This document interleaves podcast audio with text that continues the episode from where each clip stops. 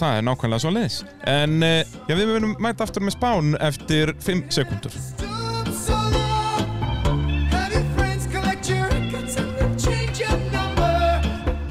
Jú, þá er góðri podcastpásu lokið og við eins og bara sönn útvastöð fyrir að spila tónlistin á myndli Já, frá 2012 Já, við þurfum að koma fólki í, í gýrin sko. Já, Það er nákvæmlega svo leiðis já Hver er í ríkistjótt, hvað er að gerast eh, Já. Obama búin að gera fína hluti Obama, er, Um, er þetta ekki árið sem hann er endurkosin?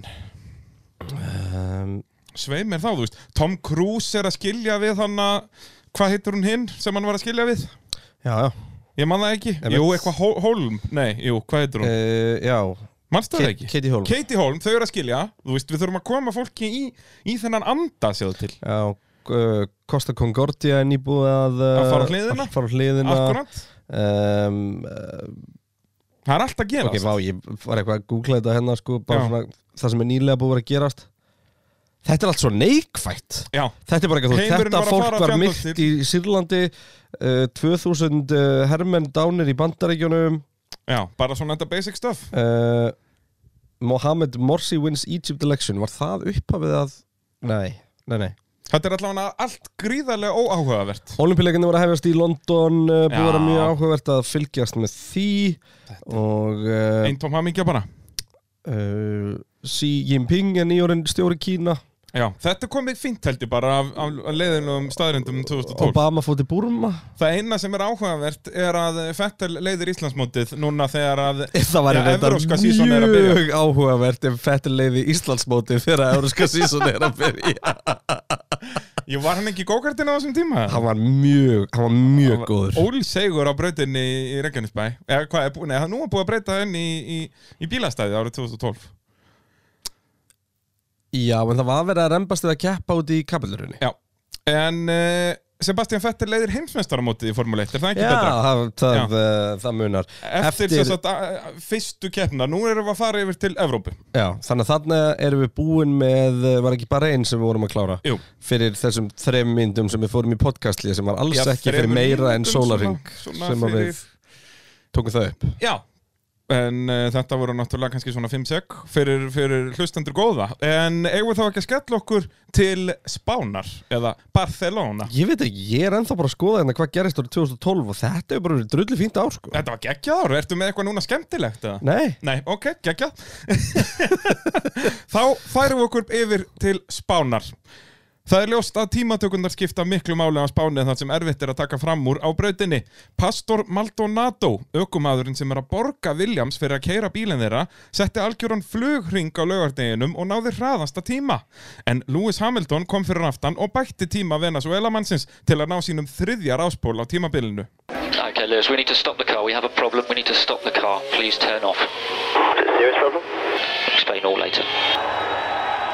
When they told me that uh, they didn't have enough fuel in, I kind of then knew that I was going to get a penalty. There's nothing I could do about it, but it is frustrating because I'd done such a good lap. when we saw that Luis stopped during the his lap, we were, you know, like uh, 60, 70 percent sure that that the place was for us. Lewis Hamilton, já og McLaren bíl hans varð bensínlaus á útringnum já, í tímatökunum. Fyrir vikið ræsti brettin aftastur. Ekki það sem honum vantaði eftir vandræðin í bara einn Pastor Maldonado ræsti á ráspól í fyrsta skiptið á ferlinum og fylgdist Frank Williams með bílum sínum á ráspól í fyrsta skiptið í átta ár. Ok, ok, ok Ég man, þetta, þetta kenn sem ég man svo vel eftir. Já, Þetta er náttúrulega árið 2012 og ég er nýbúin að horfa á Við vorum Norður Kórea. var að skjóta einhverju missal upp í loftu auka ég kann að metta þetta Google ég kann þetta að metta það svo mikið. Var Hamilton bara bensinus? Já, þetta er bara Fettel í Ungarlandi. Og bara disqualified. Nei, þetta er samt í tímatökum Þetta Það er ekki alveg- fló, sko, Fettil í Ungarlandi Það getur verið flókið að uh, reikna þotnandi keppni, öryggisbílar, bensín og uh, sko verður ekki bensínlaus heldur er bara með það svo lítið í raun og veru því Fettil náttúrulega bara stoppaði. Þarna þarf þetta að fjúla fyrir eitt fucking ring sko. Já, basically En þetta var að gerast alveg, Þetta- núna síðust ár hefur þetta verið að gerast þú veist, Já. 2011 og 10 og, og svona sko. Þannig að sko bensin áfyllingarkerfin í þessum bílum eru alveg lokukerfi þú veist, þú, þú sérðið aldrei þú veit ekkert bara með stút sem að þú bara svona, herru, já, það er að fara í gegn þetta er alltaf bara væntanleikum mælibúna sem klikkar. Já, það er nákvæmlega svo leis Þannig að, al, já, Hamilton náttúrulega búin að vera hraðastur í tímatökum uh, það sem aðver tímabils og, og missar rásból hotnar sem er náttúrulega gríðarlega svekkjandi því að hann, já, þurfti á öllum stigum að halda var hérna í öðru sæti í uh, mótinu, fjórum stigum á eftir Fettel Og Red Bull allt í hennu fann hann að geta eitthvað Já, það er svona eitthvað farið að, að sjá til sólar þar en ekki mikið þó. Uh, Fernando Alonso verðist að hafa fengið innblástur frá spænsku áhörendunum og ræsir annar, hans langbesti árangur í tímatökum. Ekki verðist um svo að Ferrari hafa fundið meiri hraða í bílnum þar sem Massa ræsir 16. Lotus ökumennir ræsa hlifir hlið á annari röð en Vettel var að sætta sig við 7. sæti í tímatökum sem er þó betra en Button í 10. sæti og Webber í 11. Þannig að eh, Red Bull voru rauninni ekkert búin að finna neitt hraða. Já, já, já, algjörlega voru Tómi Brassi og, og uh, svona það voru ræsikendur og Fettel búin að vera ömulegar ofan á það Og Webber. Já, en hérna það sem mér fannst áhugaverðast þarna var að sko Hamilton næri sem pól og svona ef ég spála aðeins og, og ímynda mér hvernig framtíðin getur litið út hvað uh, munurinn á því hvernig Hamilton fagnar ráspól árið 2012 á móti 2021 Já. Ráspól og sérstaklega ráspól sem hann veit hann er búin að missa sko. bara að hafa náð ráspólnum þú veist, það var þetta ennþá hann svo að sanna sig. Hann var svona frekar til í að verða hann, hann hefði alltaf tekið heimsmjösta til aukumann að fara með heimsmjösta til bílasmiðan skilur Já, já. þetta er samt samlíking því að það hefði hver einast aukumann í heiminum gert það. Jep. en þú veist, þú fattar hvað ég meina. Hann, var, hann var rosa mikið hann bara þá og uh, var bara kokki ungu gaur skilur Já, já, eins og þeir eru flestir þessir, þessir kapastutökum en þú verður að vera svolítið Já, kokki. meira að segja Fettil sem leit út fyrir að mest í lúði sem ég veit um á Já. þessum tíma Hann var alveg, þú veist, þú verður að hafa sjálfströystið. Ó, I like that. Já, ég minna að verður að opna Já, verður að leifa sér. Uh, þá förum við bara yfir í spænska kapaksturinn. Alonso er frægur fyrir sína frábæra ræsingar. Hann mun þurfa aðra slíka hér til að komast fram úr Williams-bílnum. Ljósinn slökna, Alonso er, uh, f- er aðeins hraðari en Maldonado sem ítir spannverðunum nánast inn í pittveginn. Fernando gefur ekki tommu eftir og heldur innri línunni og kemst fram úr ofan í fyrstu beigju. Áhærendur fagna sínu manni er hann kemur niður áskaplan í fyrsta sæti, þar að segja eftir fyrsta hringin. Uh, aftar er Michael Schumacher að berast við Bruno Senna um áttundasendið. Schumacher er með galopin afturvæng en bremsar allt of sent og klessir aftan af Williamsbílinn. Báðir falla úr leik. Gulum flöggum er veifað en Sebastian Vettel verist ekki taka eftir þeim og opnar afturvængin. Fyrir viki fær hann drive-through penalty. Eitthvað sem að tvöfaldi mistarinn var ekkert sérstaklega sáttur með. I wasn't going too fast.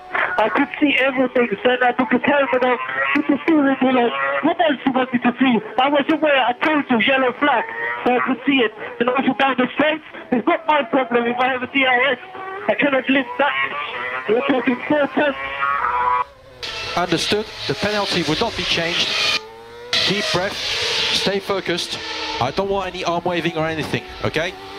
Já, Fettel eh, var alltaf annað en sáttur með þessa refsingu og hann var náttúrulega búinn að lenda í kröppum dansi árið á undan uh, fyrir einmitt þetta. Við, heyrum uh, verkfræðinginast tala um, þú veist, ekki fara að veifa höndunum og eitthvað meðan þú keirir gegnum pitt og hann var búinn að, já, eins og ég segi, lendi í kröppum dansi hjá dómurum einmitt fyrir þetta. Hann fekk drive-thru penalty árið á undan og fór að veifa og gefa einhver, einhver dónalega merki til eh, dómara og svona og, og sem að þá fekk hann bara ennþá fleiri refsingar og liði, ef maður rétt fekk liði peningarefsingar og eitthvað Já, en var DRS-búnaðin á þessum tíma ekki þannig að hann átti að aktivitast?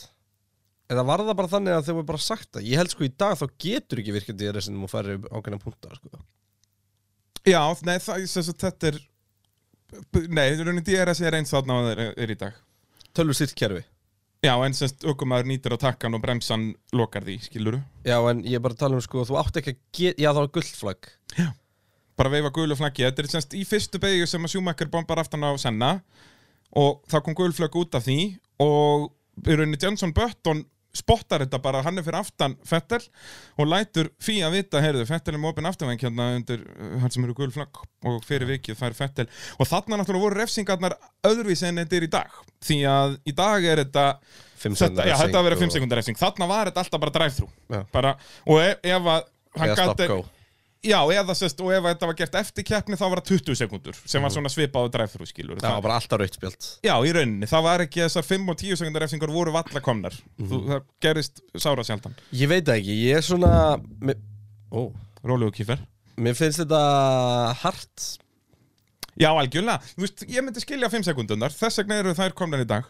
Já, ég samla því því að hann er ekki að heldur að græða beint tíma á gulflaggi sko. Já, og eins og hann var að öskra þarna til liðsins, það heyrist nú illa og þarna eru dásamlegar var fátanvélar að eh, öskra á Syngja. móti Mhm. en hann er rauninni bara að útskýra þarna að veist, ég var búinn að segja ykkur með þess að ég vissi að það væri gulflög og ég var alveg lift off, veist, þetta er bara út að DRS er opið og fá drive through fyrir það, veist, þetta er, þetta er mikið, sko. Já, þetta er alltaf þund Ringur 24, Pastor Maldonardo kemur inn í annað skiptið og ný hördekk fara undir. Pastor á geggjaðan útringaðan en Fernando Alonso er fastur í traffic. Charles Peak hleyfti heimamannunum ekki fram úr og fær drive-thru refsingu. Ringur 26, Alonso kemur inn á meðan Pastor setur hraðasta ringkeppnar og kemur örugur út á undan Fernando. Pastor Maldonado stóðst pressuna frá Alonso og kemur fyrstur í mark. Alver hint magnaður árangur og fyrsti sigur Williams síðan Juan Pablo Montoya vann í Brasilíu 2004. Einn er Maldonado fyrsti Venezuela maðurinn til að vinna Formule 1 keppni. Nú eru komnir fimm mismunandi sigurverar, Kristján. Í fimm mismunandi keppnum á fimm mismunandi bílum Já. Þetta er bara, þú getur ekki skrifað þetta dæmi, sko. Nei, þetta er alltaf fáralegt Þetta er bara rugl, sko. Þetta, eins og, það er alveg ástæði fyrir við erum að tala um þetta tímabil. Og Sko, er svo eftirminnilegu sigur uh, Auðvitað átti Pastor Maldonado aldrei að vinna þessa keppni. Alonso var miklu, miklu Alonso is faster than you Já. En ég meina Williamson hafði peis hann, þetta var ekkert Já, já, þú veist, þannig að vinnust þetta bara á tímatökum og þetta er á þeim tíma sem að Barcelona var sko vonlaust að fara fram úr. Já, ekki að hann sé eitthvað orðið mikið betri í dag. Rétt, en við náttúrulega erum árið 2012 Alveg rétt. Þannig að við erum bara að gera upp tímabilið í lokin. Þessi karakter hjá okkur að halda okkur í 2012 er ekki að ganga Nei, ég var líka ekki alveg að fatta af hverju þú vildir það en, en þú veist Ég, Það er eh, bara til að ruggla vil í, í liðinu. Já, uh, já, já, var ég búin að segja að Hurricane Sandy er á fulli í bandaríkunum Það er svona Það er svo leis Hvað er New Orleans og það er eitthvað, Florida og Ég er eitthvað? bara að setja mig í stöðu. Já, já, ég myndi maður að koma sér í karakter. Já, uh, og Bofa í, á filmsegum Já, já, það er alltaf að gerast. Alltaf gerast, það er alltaf brjálað. Eh, En, uh, en- jú, það hérna Þú veist, Pastor Maldonado ætla aldrei að vinna þessa keppni en Mikið var gaman að sjá hann gera. Pastor Maldonado er náttúrulega eitt stærsta mím-formúlunar og hefur alltaf verið. Já, Þú veist, Þessum gæja tókst ekki Þetta, er- þetta er sennilega eina keppni sem hann kerði ekki á neitt. Og það bara vann hann. Og hérna Og var aldrei og náttúrulega sögufræg mynd á honum á velunapallinum því að þar voru náttúrulega á, upp á öxlum Kimi Rækonen og Fernando Alonso. Já, Þú veist, það er ekki ámælegu pakki að vera Nei. í, sko. Aftur standa lótusökumennir sér vel. Kimi Rækonen kom í marki þriðja á undan Grósjan í fjórða. Kamui Kobayashi gerir gott mót fyrir Sáber og endar fymti. Fettel vann sig upp í sjötta á undan Rosberg. Lewis Hamilton kemur í marka á undan linsfélaganum þrátt fyrir að ræsa aftastur. Og já, Kristján, þá er eh, staðan svoleiðis að Fettel og Alonso eru jafnir á 61 stíi í heimsvættaramótinu. já Þetta er... Og samt er McLaren fljótast í bílinn Já, og þú veist, við sjáum það að það eru Hvað hvað, er, hvað er líka McLaren búin að eiga mörg slæm pitstop á þessum tímpúndi?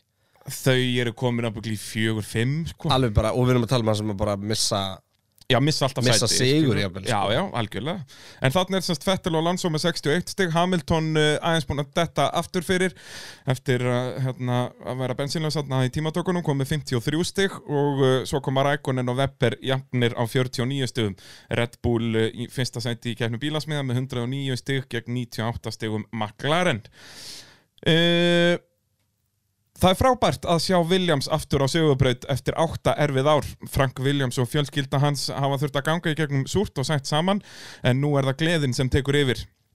Margir liðsmenn hafa ekki verið á liðinu nógu lengi til að vita hvernig tilfinningin er og brjótast fagnaðalætin fljótt út. En það þarf að halda sirkusnum gangandi því aðeins tvær vikur eru í næstu keppni, Monaco kappaksturinn. Liðsmenn byrja því strax að ganga frá skúrnum þegar allt í einu heilmikið bál myndast þar sem bensínið er geimt.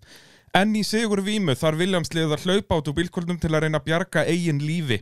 Nokkur komast ekki út. Hinn liðin hlaupa á staðinn og hjálpa þeim sem að komast út og byrja að slökkva eldin sem nú hefur stækka gríðarlega. Svartir eikurinn sjást út um alla braut.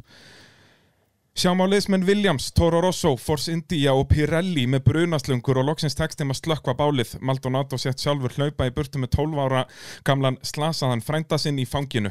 Til allra lukku ljast engin í eldinum en 32 menn voru lagðir inn á slísóp, flestir með reykjadrun og nokkur, nokkrir brendir, þar af tveir alvarlega slasaðir.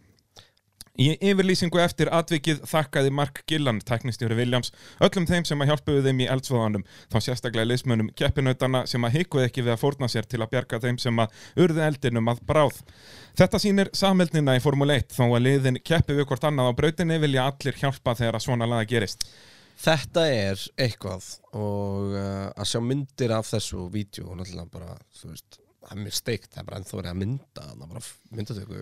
Já, það er eitthvað að finna á YouTube BBC eru þarna af fjallum formúlina og þeir eru bara með svona after show, eru bara að lappa um pittin Já, bara og standa bara hana. Eddie Jordan kemur eitthvað svona "Ah, það er eitthvað, reykur svona, bara svartur reykur, þetta er úr Williams. Já, þú veist, og fyrst fara er svona aðeins að fýblast með þetta, bara svona já, við erum ekki bara aðeins að fagna þessu mikið og eitthvað, svona strax þáttastjórnandi bara, heyrðu, nei, þetta er eitthvað alvarlegt. Og það er eins og segja, það eru myndavælur út um allt og bara, og þetta var, eins og segja, það er bensínið sjálft sem brennur. Þetta er bara eins og að sjá eitthvað eftir hriðvirkar og sér bara að sjá fólk bara reyna að draga fólk sem getur ekki anda út að reykeiturinn út úr skúrnum og, og, en, og bara brend föt og bara Já, en- er óg, og líka bara eins og segi þeir eru að vinna í fyrsta skipti í átta ár já, og, og þetta gerist. Þetta var kláruð hérna, það sem að mér finnst líka hellaðast er að sjá einhverjar hetjur með sko haldandi einir í adrenalin kikkinu á fullum ólíutunum eða bensintunum hlaupandi út. Og bara tunnan tóm er alveg þung sko. Já. og það Já, er bara já, haldi bara- á þeim þú veist. Og þetta var bara sem þurfti því að það þurfti bara að bjarga út ég meina bara ein svona tunna að springa og þessi skúri bara, bye bye sko. Já, byggingin er farin þá bara, það er bara svo leið um, en út í þess að það er samheldin í Formule 1 og þetta er eitthvað svona sem er gaman að koma inn á svona bara í, í mótsport almennt að ég veit ekki um neitt annað sport sem að uh, fólk hjálpast þér mikið að því Já. þú veist það hata allir hvernig inn á brautinni og keppa á móti hverjum öðrum og liðinn og allt þetta og það er bandir og rígur og allir pakkin en hversu oft hefur maður komið í service í rally eða þú veist upp á rallikursbraut eða einhverja kapparsbraut og það er allt í klessu og þá hlaupa allir að hjálpa. Veit, er, Já, veit, já. er, er Red Bull ekki að fara að hjálpa Mercedes að laga bílinn sinn fyrir morgundaginn, það er öðruvísi. En en í öllu svona og við sjáum veist, þetta, mynd, myndi Max Verstappen lána Hamilton skóna sinna til að keppa? Já, ég hugsa það já, ég meina eins og Michael Schumacher lánaði David Coulthard hjálminn sinn akkurat, þú veist, í Stjórn Monaco það 96 það, það er líka svo geggjað og David Coulthard kefti í Monaco með, þíska fánan Já. á hjálminnum, þú veist, bara með Schumacher hjálm en þetta er stór magna og bara geggja líka að sjá myndirnar og náttúrulega allir liðsmenn í sínum fatnaði að sjá bara fimm mismunandi lið berjast við að slökkva sama bálið skilur. já, og sér kannski einmitt, fimm mismunandi aðila haldandi á slungunni á mismunandi stað Já. veist, já. og bara eitt Force India gæi og eitt Pirelli einmitt. veist, þetta er bara geggja dæmi og, og hérna, sem betur fyrir eins og við segi, ég lést engin í þessu en semst, þegar ég fór að googla þetta semst, fyrir þetta það var þetta miklu stærra en ég held finnst að þetta væri þú veist, ég var búinn að sjá svona review of the season og dæmi en þarna eins og ég segja, það voru tveir eða þrýr sem slösuðust alvarlega þarna, Já, fengu já, já. bara þriðastiks bruna á partan líkamannum og bara, það er semst þeir sem voru þarna lengst inni þegar út af þetta er eins og ég segi, bensínið sem springur bara. Einmitt, þetta er svakalegt. Þetta er, þetta er rosalegt. Þetta er svakalegt. Eigum við þá að eh, skella okkur yfir til Monaco Það var þarna í, í lok mæ já, Það var ekki amalega pakki en uh, það var náttúrulega á svipuðum tíma já, bara þegar æfingar eru á, á fimmtudeginum og þá voru nú flestir Íslendingar í, í góðum Eurovision partíum að hlusta á, á þennan slagara hér Forever we'll be free. Never forget what I did, what I said, what I gave you. Já, já, Greta Salóni og Jónsi að gera gott mót já, þetta var árið sem við tókum uh, Racing Point á þetta já. Það var einhver geggjaði gæði með fiðlu sem vann árun undan Þannig að hvað gerum við?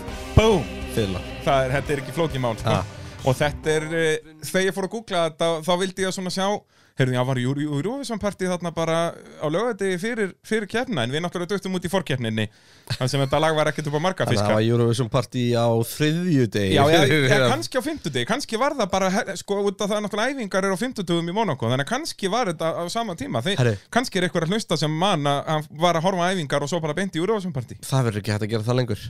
Nei, Það er verið að fara æfingarnar á föstak Þetta er agalegt hvernig Ja, komið fram við okkur. Ég ger ráð fyrir að eftir um það bil uh, tíu ár Já, muni föstudagsæfingarnar fara Já, þú út. því? Ég spáði því.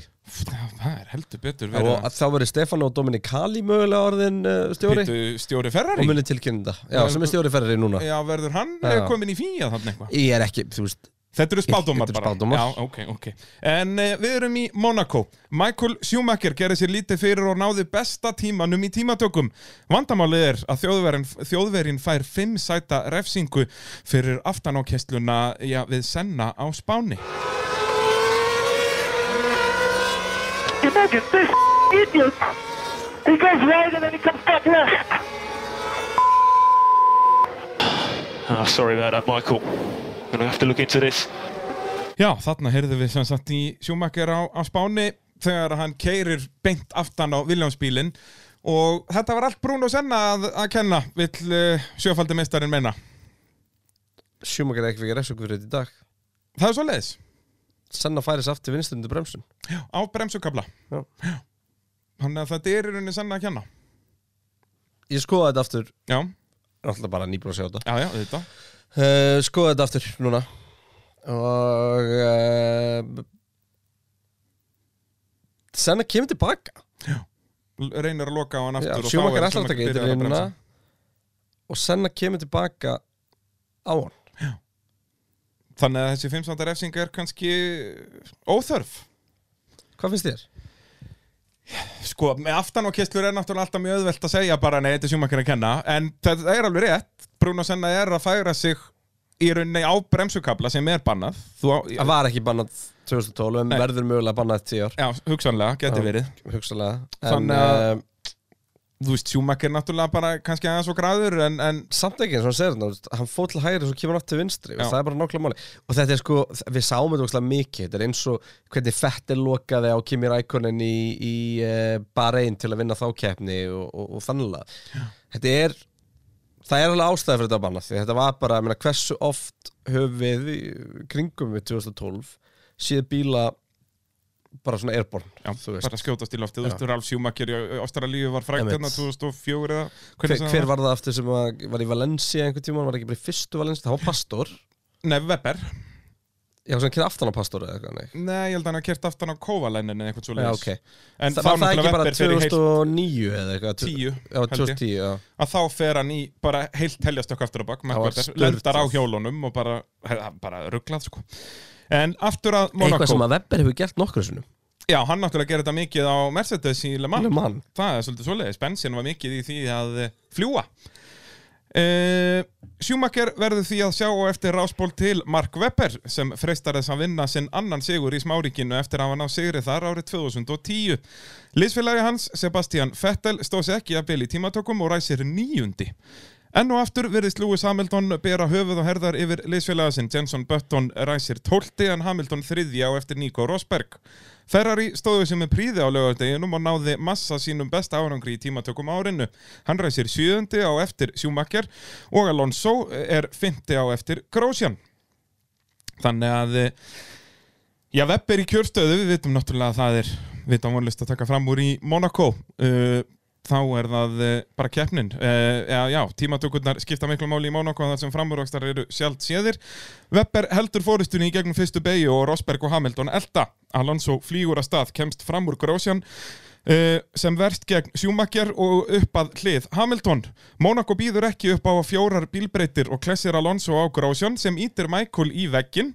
Róman, uh, Róman kemst verst, kemur vest úr þessu og er síðastur. Þeir semst lenda í rauninni, þetta er tveggja til þryggja bíla árakstur, en það er rauninni bara Róman sem að uh, í rauninni tapar virkilega þessu.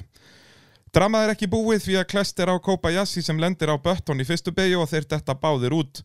Pastor Maldonado dettur uh, út í hótelbeigjunni síðar á hringnum. Örgisbílinn er kallaður út og skíin fara að þykna yfir brautinni og von er á rigningu í Monaco. Það virðist þó ekki að ætla að rætast úr rigningunni en þó falla nokkri drópar á brautina.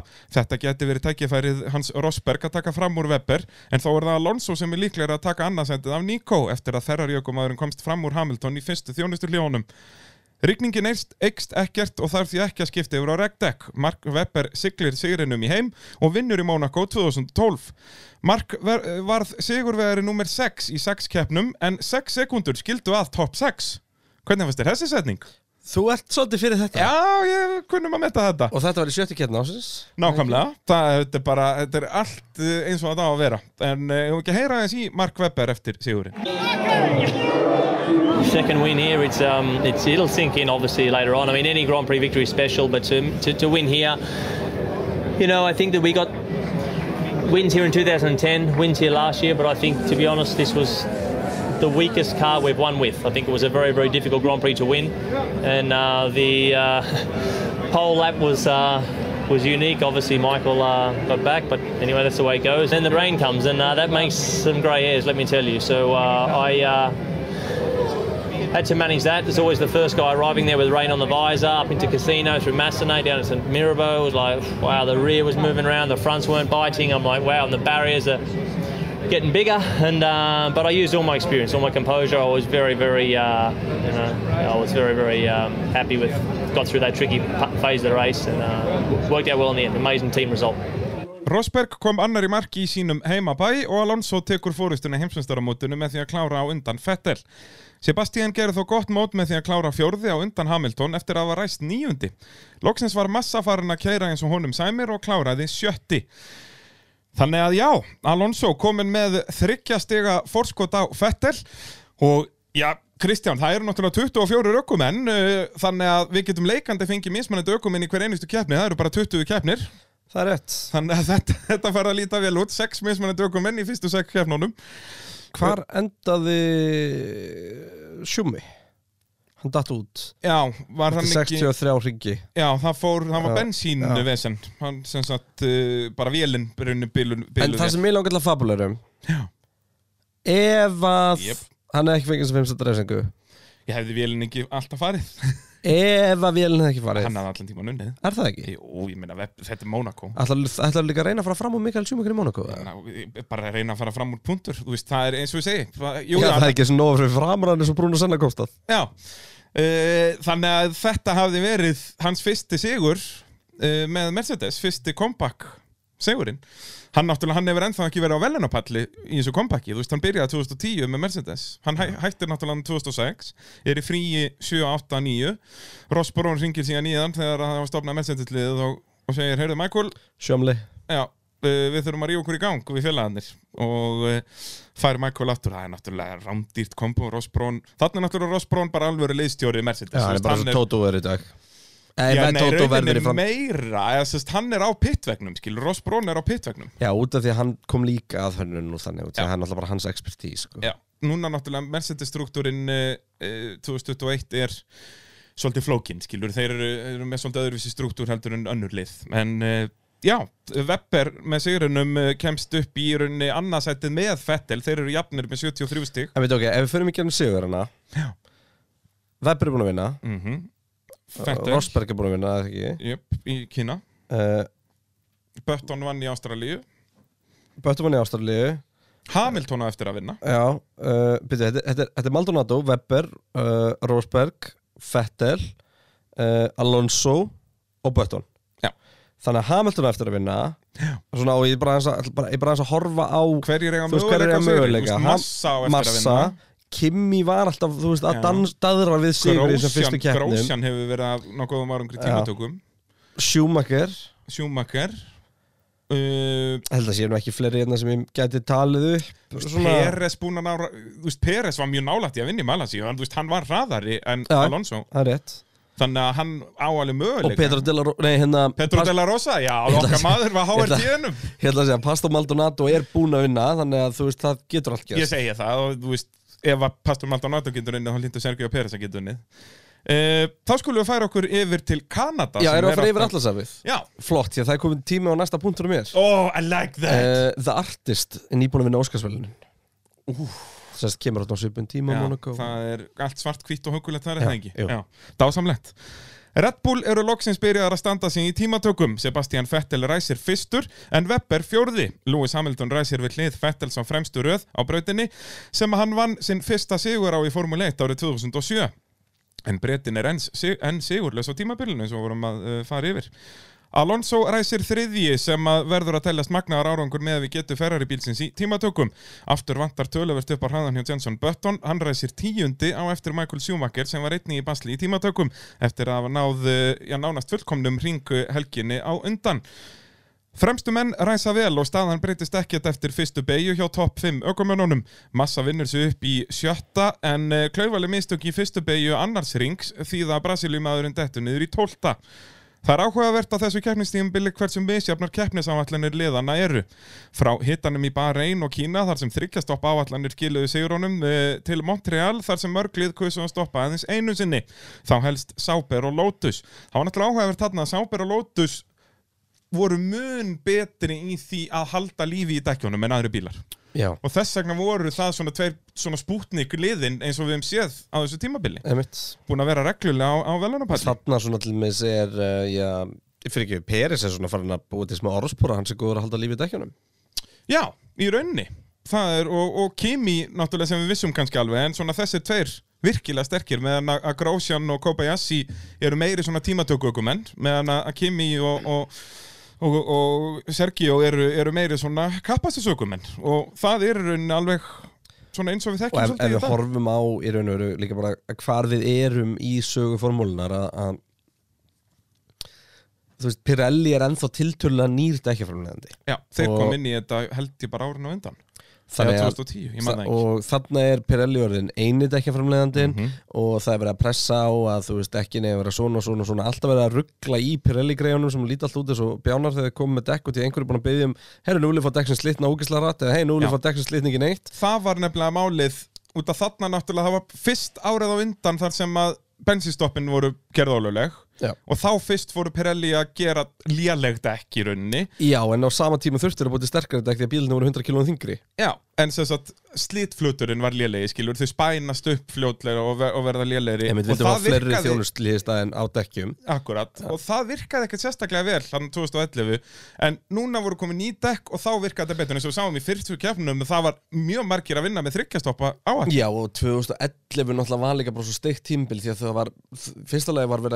áhætt Já, og 2011 náttúrulega var líka bara svo steikt tímbil því að það var, fyrsta lagi var verið að kera bílinn á svona 70% getu til að spara bensin því að búið að rekna út að til loka kapastis sem væri það betra heldur en að vera með ómikla þyngd. Og ofan á það þá þurfti að kera sko 20% hægar til þess að þetta ekki myndi enda það voru allir á bara 50% bara.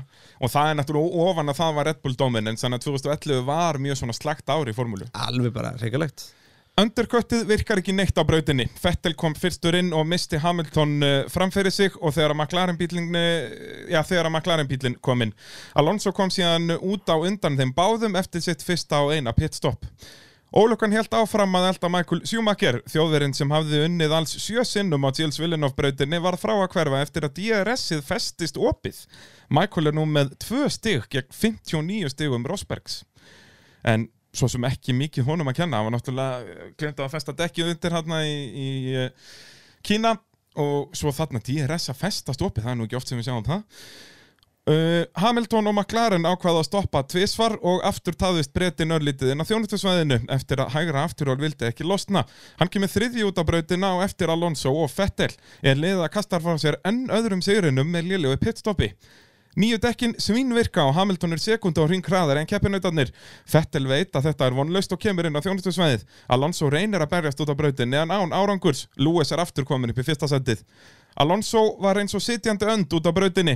Kostur Lotusbílsins að halda lífi í sínum dekkjum kom sér vel því Roman Grosjean flýgur fram úr Alonso þráttur að stoppa aðeins einu sinni eins og Spanverinn. Ekki nóg með það að þá komst, uh, þá kemst Sergio Pérez líka fram úr uh, á sínum Sáber.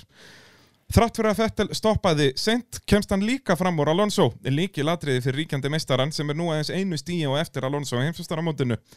Ekkert gatt stoppað Lewis Hamilton í Kanada. Brettin kemur í mark sem örugur sigur veri og tryggir McLaren sinn þriðja sigur í röð á Montreal brautinni.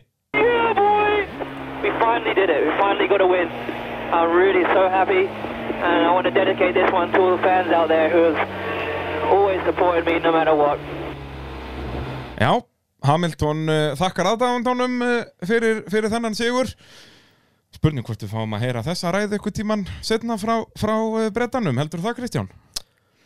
það er, það, við förum ekki í svona spádóma Nei. með eitthvað, hann muni segja þetta aftur. Nei. Það við vitum ekkert um hvað framtíðin byrja skotið Nei. sér. Jenson Button vann ævintýrlegan sigur hér í fyrra þar að segja 2011 eh, fyrir þau sem er ekki, ef, út af við erum að detta svo mikið inn og út úr karakter, þetta gengur ekki. En Button náttúrulega keppnin 2011 er náttúrulega einn frægasta Formule 1 keppni sögunar Já, í, Þegar í, í fyrra. Í fyrra sko, þegar Button stoppaði held í fjórum sinnum og fekk drive-thru og eitthvað og var tvisa sinnum í síðasta sæti og endaði að vinna. Já, það var, það var mesta bull keppni allara tíma Já, eða ekki séð hana og bara mæli með að setja nýr og horfa á hana. Já, nei, setti formúlinu ekki inn í heilu lægi inn á YouTube í COVID, ég held það Ég held að þú getur farið inn á YouTube og horft á Jú, hana. gott, það var ekki með þess að þeirra kandis kappastur nátt að vera Ja, eitthvað svo leiðis En eins og ég segja, hann vann hérna væri, ævintýrlegan sigur hér í fyrra En nú kemur hann í mark í 16. sæti Ring á eftir liðsfélaga sínum Meðan aðeins fjögur stig úr síðustu fjórum keppnum Er ljóst að sigurvegari fyrstu umferðirina Verður ekki að berast um titil í ár don't have um, yeah the pace. Button is back in the pits. Does that mean it's over? Was Jensen thrown in the towel? Jensen Button 10th. You don't have three bad qualifying sessions and uh, and, and understand what's going wrong. Hamilton, and look how he's, he's going to be lapping Button in a minute. Where's he gaining on you? Um, everywhere. Not a lot to say about that, really, is there? As you've probably seen on the TV screens, Lewis has won the race. Today I was probably one and a half, two seconds off of the pace of the leaders. And uh, I don't think I've ever been that before, especially in a car that uh, won the Grand Prix. I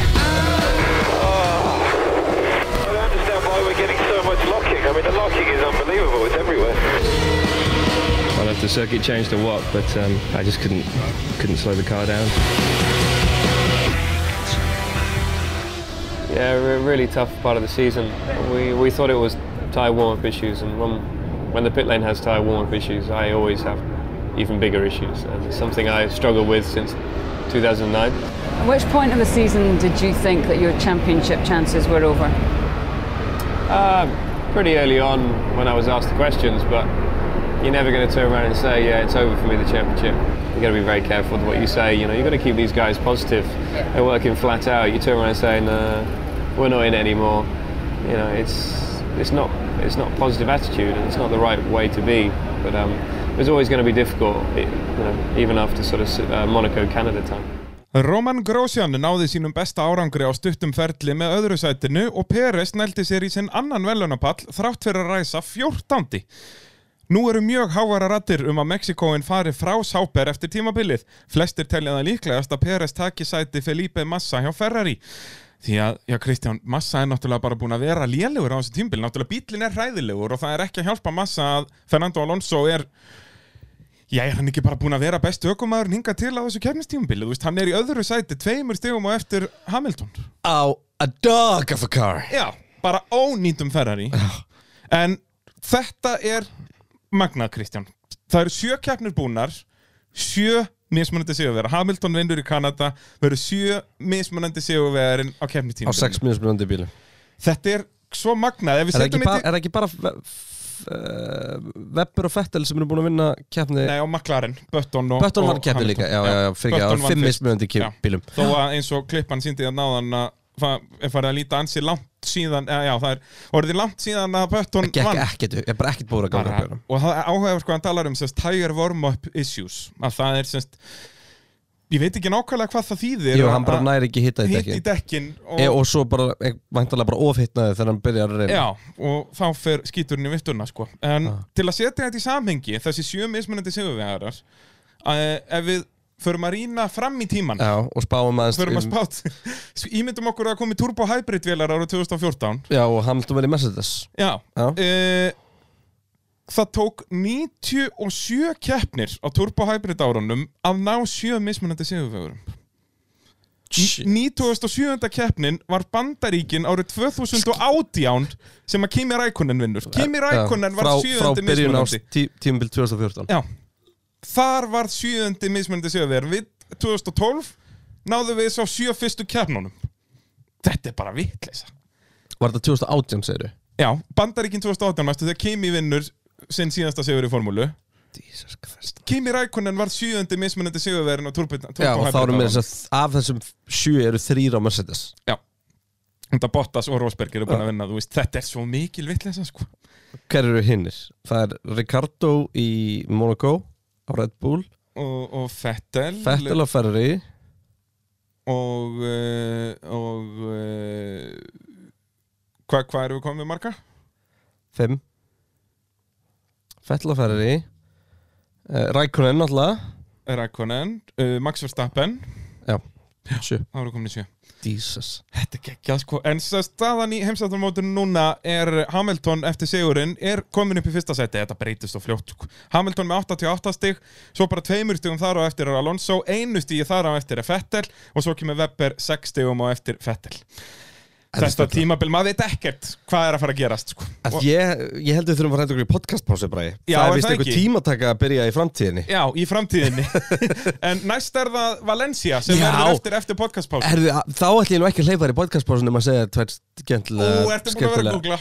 Já, ég er ekkert að hlusta þig um, sko, í fyrsta leikinn settur að Valencia fótballtalið Já. endaði í þriðasetila líka þetta árið ekki nema þetta Benitez seasonið, 39 stigum og eftir Real Madrid Já, er, þá er þetta ekki Nei, Benítez var þannig ekki meistari með þeim bara 2009 eða? Það veit ég ekki, Nei. þetta er fótbolti Já, um nákvæmlega. Hvað er með aðra styrlaðan staðarind?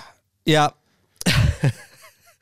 Þetta er einn uppáhald staðarindu mín frá bara, bara minni ævi held ég Ok og það er hún Cecilia Jimenez vinkun okkar Já, Cecilia Þú kveikir? Nei. En ef ég sýnið þessa mynd? Já, hérna, þetta er eitthvað svona málverk. Hún Cecilia á milli einmitt þessar tvekja kefna um það leiti uh, arkaði inn í, inn í kirkju og endur málaði í að fresko uh, Jésu Krist uh, málverk. hún valsaði, hún hjólaði það. Já, og ákveð, ekkert endur gera, hún ákveð bara að lappa upp að það. Já, svona aðeins. Já. Þetta var bara hvít, bara ónýtur stríi sem Þetta hún er svona- málaði lind á Þetta er svona álíka velgert og HRT-in var hannaður. Já, það er nákvæmlega svo leiðis Ég þakka þér fyrir þessa styrluðu staðarind og þá skulum við skella okkur í löglétta podcastpásu.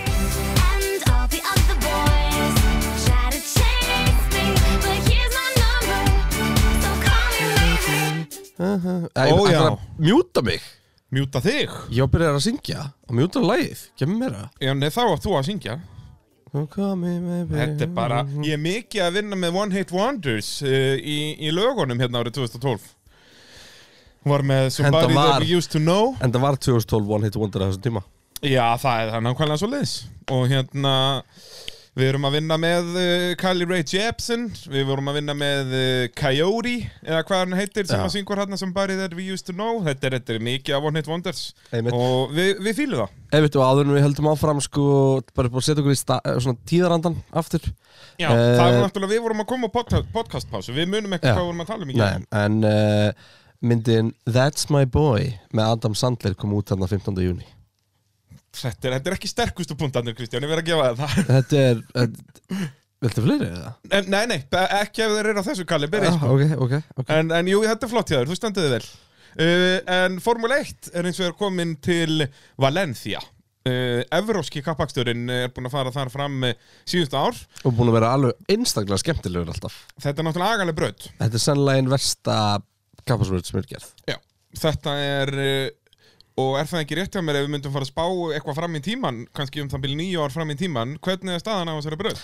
Herri, hún er uh, orðin að svona tjaldhverfi fyrir flótta fólk sem er heimilslust Já, já flott en- Og það er ekki Það var ekki ákveðið að hún er í það Nei, þetta er svona gypsy borg bara Já, eitthvað og, og já. svona bara Já, já, það, já, flott En þetta er svona blanda af götubraut og kappasusbraut þetta þetta er mjög einkennilegt allt saman Já. En Fernando Alonso fær þá allavega tvær heimakeppnir Þannig að það er fínt, hann náði að öðru sendi á, í Barcelona Spurning hvað hann gerir hérna í Evros kappakstinninum Sem betur fer er þetta í síðasta skiptið sem við förum á götubrautina í Valencia á Spáni. Brautin hefur verið gaggrind harlega frá því hann kom að dagatali 2008 og hafa flestar keppni verið frekar leiðilegar á brautinni.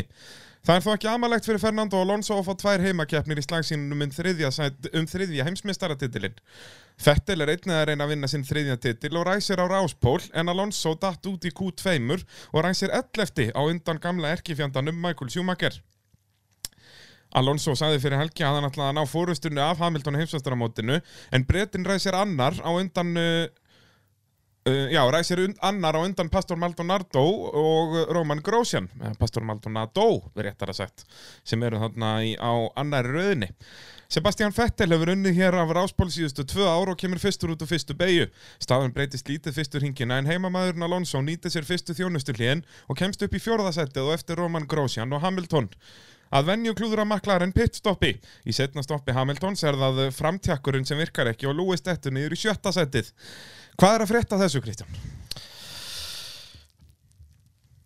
Þetta er bara ströggl í raun og veru. Og uh, það er ekkert já þetta, það er, er ótrúlega hvernig þetta sísón einhvern veginn ætlaði alltaf að, að henda öllu bara upp. Það er einhvern veginn virðist að koma einhver stöðuleiki og það bara hverfur hann. Já, og McLaren bara að gera virkilega slemt mót þarna. Eru með, já byrjuðu allan tímabili með hraðasta bílinn og virðast ennþá að vera með eitt hraðasta bílinn en, en þa þa consistently þarna hraðasta. kemur hann með líkilpunktin þeir byrja með hraðastabílin en virðast vera með eitt hraðastabílin Já, ég meina í Valencia Fettel var geggjaður já, hann er eins og þarna þegar hann komið sögu er hann bara í klassiska Fettel sem hann síndi allt 2011 og hann er hann komin 20 sekundum undan já, bara að taka tvær sekundur og ring fram sko. Já, bara löðrandi léttur sko. Uh, Alonso gerir árás á Grosjean í enduræsingunni þegar örgisbílinn kom út eftir samstöð Kamui Kobayashi og Felipe Massa. Alonso kemst fram úr og upp í annarsætið. Sebastian Vettel hefur verið fljúandi í allan dag. Uh, bil hans í annarsætið fyrir örgisbílinn var 20 sekundur en núna þarf hann að fara að gera þetta allt aftur. Alonso virðist þó vera sækja á hann. Þetta virðist vera of auðvelt fyrir ferrariökumannin.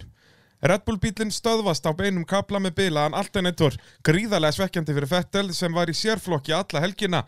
Það var þó ekki bara runóvélinn aftan í Red Bull bílnum sem var með vandræði, Grósjan verður sjá á eftir öðru sætinu með sömu bílun og Vettel. Og þetta sést þegar ég segja alternator, þá er þetta kersbúnaðurinn. Já, þetta er rosalega ódýr leið til að kalla uh, endurleðslu kerfi alternator, en ok Já, þetta er, þetta er alternator, þetta gerir það sama, nema Reyndar. virkar bara í báðar áttir í rauninni. Uh, og Kers, fyrir þá sem ekki vita, er sem sagt uh, sama og uh, hvað Ramagskerfi sem er í bílunum í dag, MGK Já, nákvæmlega, þetta er bara þarna var þetta miklu minna, þetta voru bara 80 Já, hæstum veist, eða eitthvað uh, Motor Generate Unit Kinetic er hérna MGUK og KERS var bara stýtting á Kinetic Energy Recovery System bara bing, bara búm Það hjálpar Alonso að Hamilton og Rækonin er í hörðum slag um annarsettið. Rækonin á meira lífi í dekkjónum og kemst fram úr. Ekki fyrsta skipti sem við segjum þessa setningu. Dekkin eru vel slitin undir McLaren bílum og nú setur uh, Maldonado pressu á Hamilton með uh, aðeins örfá að ringja eftir. Þeir lenda saman og Lewis skoppar út í dekkjavekkin og dettur úr leik á meðan að Pastor heldur framvangslaus áfram, þó með 20 sekundar efsingu fyrir að hafa ollið áraksturinnum. Fernando Alonso kemur í mark sem örugur sigurvegar í Valencia og verður því fyrsti tvöfaldi sigurvegar í tímabilsins. Hann hefur skorað stig í öllum keppnum og er nú komið með gott fórkot heimsumstaramótinu.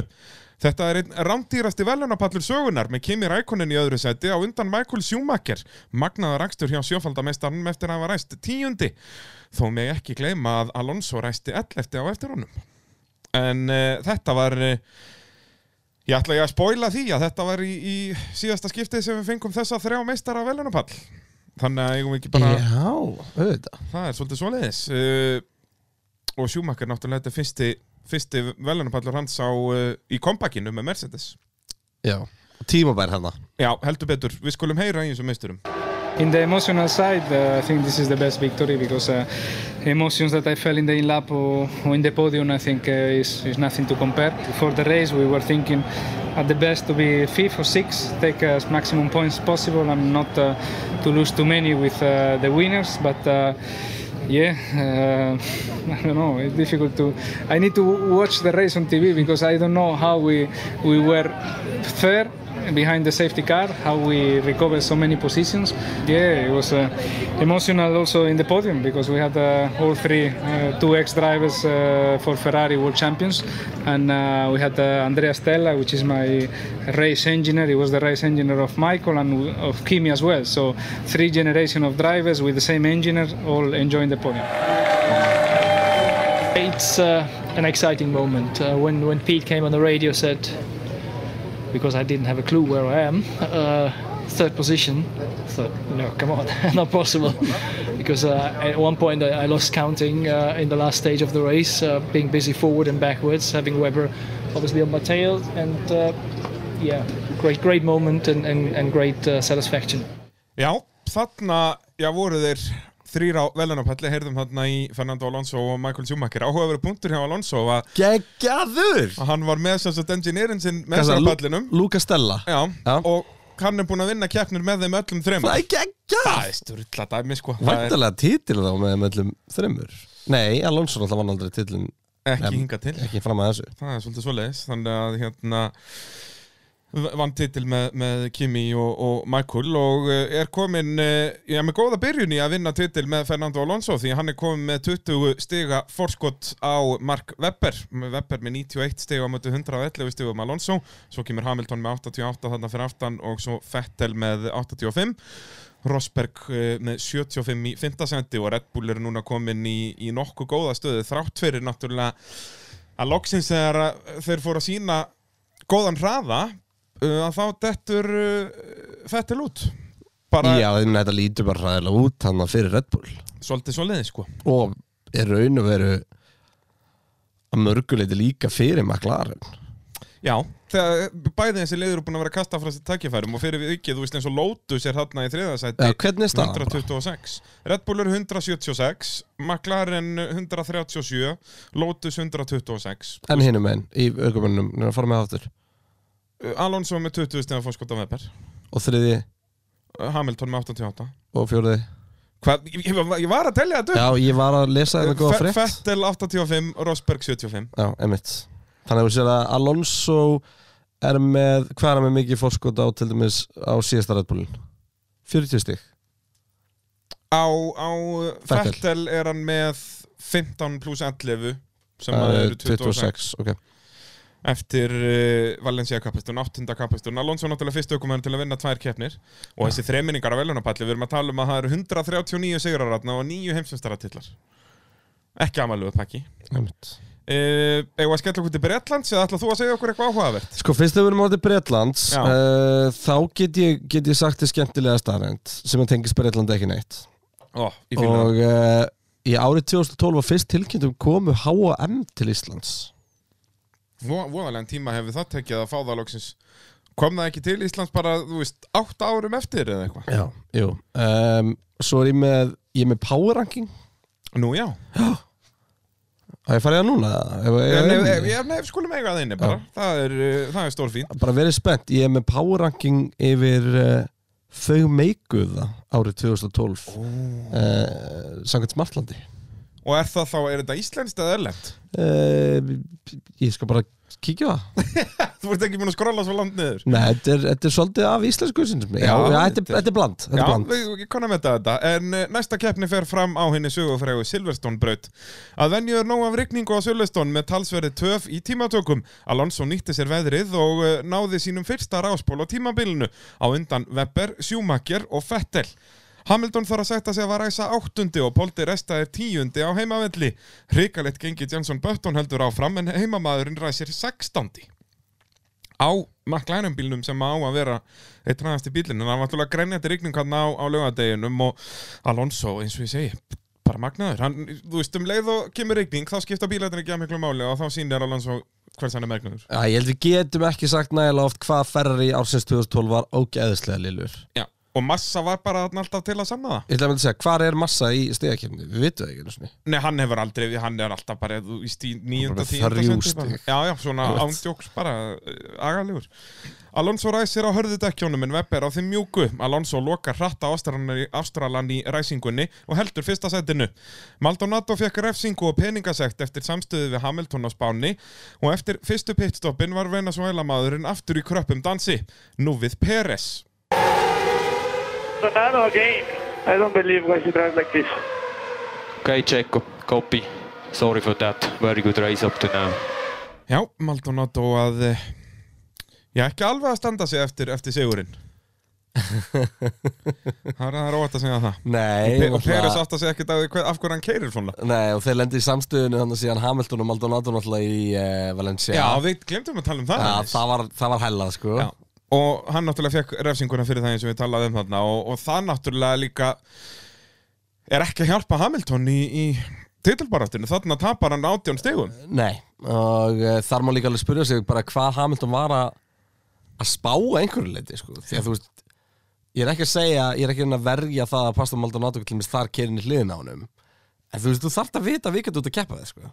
hann var Já. alveg komið með orðsporði sko. Já, já, algjörlega, hann er komið með hann, hann fjekk það í rauninni 2011 bara að, hann er svona ekki hann er ekki vinsalastur með að lökumanna Peres var frá að hverfa en Pastor gatt haldið áfram en fekk áminningu og aðra peningasekt. Helgin var ekkert betri fyrir Sáber þegar Kamui, Kobayashi kemur inn á þjónustusveðið Hann bremsar allt á seint og bombar inn í hóp af servismönnum. Flestir sluppu með skrekkin en þrýr eru sendir á spítala Alonso tapar dýrmændum tíma fyrir aftan Hamilton eftir að Spannverinn kláraði sitt fyrsta stopp. Hamilton er enn á hörðudekkjunum sem hann byrjaði keppnin á en Alonso er komin á ný hörð en á eftir að stoppa aftur. Að lokum kemst Fernando fram úr og Hamilton fer inn eftir það. Eftir síðustu stoppin er Alonso komin á mjúkudekkin en Webber er, er í gírkassanum á Ferrari bílum á hörðudekkjunum. Magnaðan slagur ring eftir ring en að lokum kemst Ástralin upp í fyrsta sætið með aðeins nokkra ringi eftir. Yes, it is. Checkered flag this time round. Fantastic, Mark. Fantastic. That was a brilliantly controlled race. Very, very good. Hey, thanks, guys. Another great day for us. Uh, great day for me.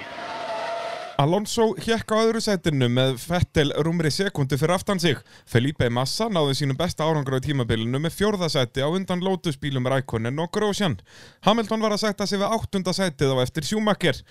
Red Bull er núna komið með mjög gott fóskot í keppnu bílasmiða en ótrúlegt en satt var þetta í fyrsta skipti sem báðir bílar liðsins enda á velunapalli. það er styrla en djövill var Webber alltaf góður á Silveston Já, þetta er, er þetta ekki hans annar sigur þarna? Fann hann ekki þarna 2010? ég, ég man bara eftir því sko frá því að hann var að kera lélega Red Bull að hann var góður á Silveston Já, það var alltaf, hérna, þetta er bara, hann fílar þessa, þessa hröðu beigur þarna.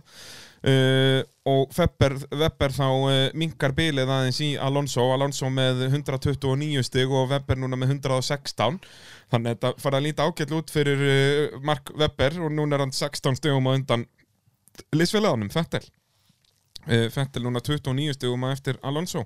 Og svo koma Hamilton og Rækonin hann fyrir aftan og Red Bull núna komið með gott fórskott Ferrari komið eh, upp í annarsettið uh, McLaren búin að detta nýr í fjórðasettið eru með 142 stigum á þetta 216 stigum í Red Bull. Ég er bara rugglinu, það er bara þannig. Það er nákvæmlega svo leiðis uh, eigum við þá að skella okkur til Hockenheim? Eða ætlar að, ætlar að henda í, í gott power ranking? Are you ready, Brian? Úf, ég, ég er svo tilbúinn Ég þarf að finna aftur. Um, Við erum að tala um uh, þá, þau sem meikuða á árinu 2012 2012 Ok, hit me. Um, Í áttundasæti, þetta er bæði fólk og fyrirtæki. Já, það er svo leiðis Í áttundasæti vil Smartland meina að það sé óhætt að fullir að íslensku húdrófinir frá nýsköpnum fyrirtækinu Safe Cosmetics hafi hlotið lof hér heima á erlendu svarinu Innan Sif að- Cosmetics. Safe Cosmetics já, það er frábært Já, um, Þú veist, ég ætla ekki að segja meira en Marta Stúart notaði þá þá sem er mjög stort sko. Ok. það, alveg, það gulltryggir áttundarsætið í þessu power ranking uh, Hönnuðin Kristjánars Williams var að gera allt í vittlust í Breitlandi uh, Það, þetta er ekki, ég, ég, ég veit ekki neitt hvað þú ert að tala um Nei, um, Við vorum ekki lengi að eigna okkur hérna hálf íslensku og hálf indversku ofurstjörnu Angela Johnson. Já, enn og aftur veit ég ekki, Nei. þú getur sagt hvað sem er og, uh, Nú getið sagt þér eitthvað. Nú, Stundum er því fleikt að það þurfi ekki að kjósa best klæddu koni ársins frá árið til árs því Dorrit Musayev uh, endi alltaf efst á lista. Þarna vantar erhornu að samdafektin Hún meikaði þá til hún opnaði Facebook aðgang til enganóta Wow, Mhm. það er stórt. Um, uh, Dorrit komin á Facebook. Einn 83 ára gamla Daphne Self uh, elsta ofurfyrirsæta heims vakti aðtigli þegar hún var valin uh, var valin, það vantar alltaf andlit hérna nýra herrferða The Big Bra Hunt. Já, já, það er frábært. Þá erum við komin í þriðasætið Við erum komin í bronsið Bláalónið Var uh, það að, að menga það? Já, þú veist, það var Voru þeir að borga sér svo mikinn uh, arfa að þeir komast á listan? Nei, það bara, þú veist, uh, heimsfræga kvikmyndastundum leikstjórur í allt sumar voru að tvíta um að vera í blálónu Wow. Svo er uh, Solveig uh, Eiríksdóttir helsufrömmur, hún var uh, vann keppna besti hráfæðiskokkur heims. Þetta er, þetta getur verið leilegasta power ranking sem í sögu pitsins. Og þá erum við komin að fyrsta sætunni en það var baðhúsdrottningin Linda Pétursdóttir sem hjælt upp á tíu ára etru ámæli sitt Það, já, það, þetta, þetta var ekki þetta var ekki stærsta árið, 2012 Nei, en þau meikuðu það meika Samkvæmt smartlandi Linda P. að vera eitru í tíu ár það var uh, Já. svona það sem var áhugaðverðast árið 2012 En það sem er mest spennandi við þetta er það að ef að Linda er ennþá búin að standa við þetta Já. þá er hún auðvitað að fara að halda upp á 20 ára ámæli núna á næsta ári næsta ári, og uh, Það- við bara í peitunum býðum spennt eftir því og, og Já, munum- bara aðalega eftir sko greinin á Smartland um, um 20 árin? Um 20 árin, ég er aðalega spenntur yfir því Ég sko. býtu bara, ég ætla að páranga uh, 5-9 pör ársins næst og myndu búa til random nöfn þar eða verður þetta eitthvað sem við þekkjum? Ég vilti fá það bara. Nei, alls ekki, en uh, við skulum býða með það uh, þangað til setna í þessum þætti. Því að nú ætlum við að tala um Þýskalands kappaksturinn Þýski kappaksturinn fer núna aftur fram á Hockenheim brautinni en kappakstur eða keppnin vikslast ár frá ári milli Núrburgring og Hockenheim Aftur er rigning í tímatökum sem þýðir að Fernando Alonso er aftur ráspól en Sebastian Vettel hefur aldrei unnið heimakeppnina og ætlar að freista þess og uh, ræsir annar. Regnum meistarinn Michael Schumacher náði aftur þriðasætti í tímatökum og Force India bíl Nico Hulkenberg gerir það þrjá þjóðverja á fyrstu tveimur öðunum. Þetta er magna, bara ef það rignir þá er Alonso hraðastur, og sérstaklega í tímatökum er Ferrari í lélugur en ef það er rigning þá er Alonso mættur ráspól. Já Þetta er stór magna sko Það er það sem þetta er. Loksins stöndur Böttons í tímatökum og ræsir sjötti á undan eh, Lewis Hamilton sem ræsir sjöundi í sinni hundruðustu keppni. En er þetta ekki, já, bara sönnun á því að Alonso er bestu ökumæðurinn á þessu tímabili? Er þetta, að fara, er þetta of snemt að fara að segja svoleiðis? Þetta er Alonso in his prime. Já, já. Ef að ferðarinn hefði verið á pari við maklarinn þá væri hann búin að vinna sem heimsmyndarkjöfni Já, bara þarna í, í bara þó að tímabili sé ekki hálnað Þú veist, hann væri með 60 stíða fórsköldu eða eitthvað. Sennilega. Já. það, ef hann gæti eitthvað í tímatökum, þú veist, við erum að tala um það hann ræsir alltaf bara hvað, þú veist, sjöunda Ferrari var líka bara gott. dog shit. Jep, það er nákvæmlega svo leiðis Ljósins lokna, Alonso heldur fyrsta sætunu en heimamennir Schumacher og Vettel berjast þar fyrir aftan. Daniel, Daniel Ricciardo er of graður í ræsingunni og klessir á massa sem þarf að fara allan ringin með engan framvæng Í fjórðu beigju lenda Bruno Senna og Roman Grosjean saman þannig að það verður nógum að vera inn í pitt eftir fyrsta ring. Dramað hjælt áfram inn í pitt á öðrum ring þar sem að Lewis Hamilton þurfti að koma inn eftir að hafa sprengt dekk við að keira yfir karbonkonfettið í fyrstu beigju. McLaren bílinn var mjög hraður eftir fyrstu stoppinu var Hamilton þó komin ring á eftir en var meðal fremstu manna. Það eina í stöðunni var að afringa sig, annars að hann þurfti að víkja fyrir Button sem var komin upp í þriðasætið.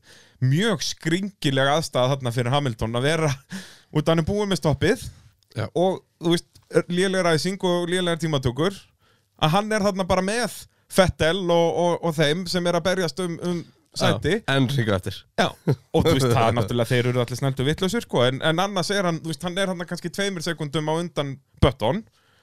Þannig að annarkvort þurft hann bara, já, að afringa sig taka fram úr, þú veist, Vettel og þeim eða að víkja fyrir Button, skilu, þannig að maður alls ekki hæja honum. Þannig að þetta er, já, mjög einkennileg staða að vera í. Eftir frábæran útring í setni stoppunum náði Button öðru setinu af Vettel og gatt farið að pressa á Alonso í fyrsta setinu Superb, Jensen. Absolutely brilliant. Let's have Alonso. En við það að pressa á Alonso fóru dekkin undir McLaren bílnum að gefast upp og nú var það Vettel sem var að nálgast Button. Þjóðverinn komst loks fram, loks fram úr í fjórðu beigju en Button var ekki sáttur með hvernig, eða réttar að sagt hvar, Vettel tók fram úr.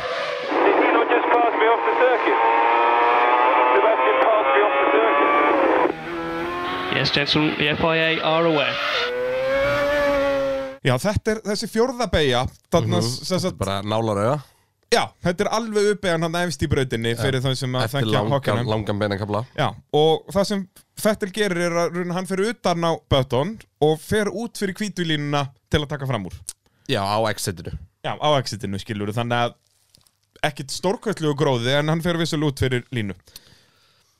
Já, bara heimskulegt Þú veist, auðvitað er þetta refsing Já, við, við, við sjáum til. Uh, Alonso kom fyrstur í mark í 30. skiptið á ferlinum þrátt fyrir að Ferrari litu ríkal út í prófunum fyrir tímabilið og svo í Ástralíu er magnað að Alonso er fyrstu ökumæðurinn til að vinna þrjár keppnir árið 2012 en er þetta bílinn eða ökumæðurinn?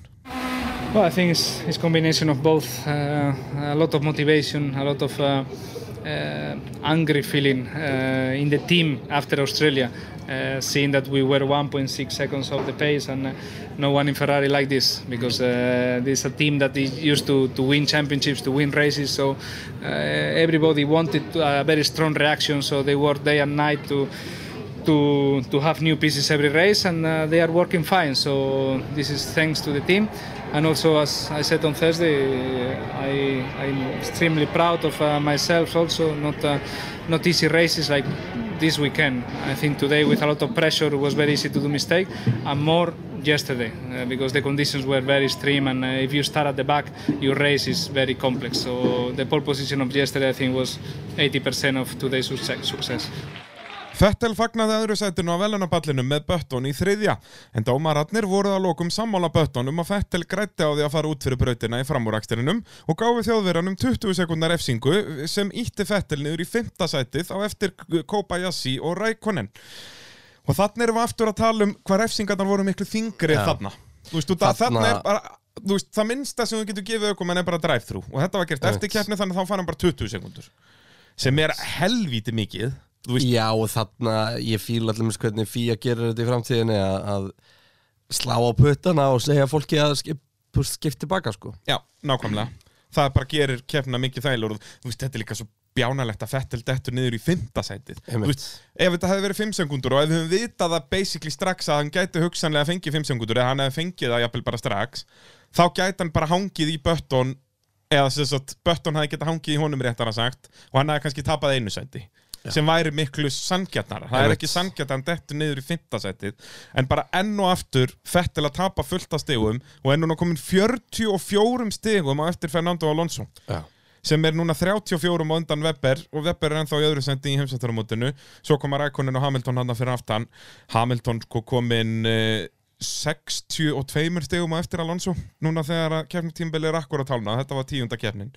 Og Red Bull uh, líta mjög vel út í keppni bílasmiða uh, Eða að skella okkur til Ungverjalands?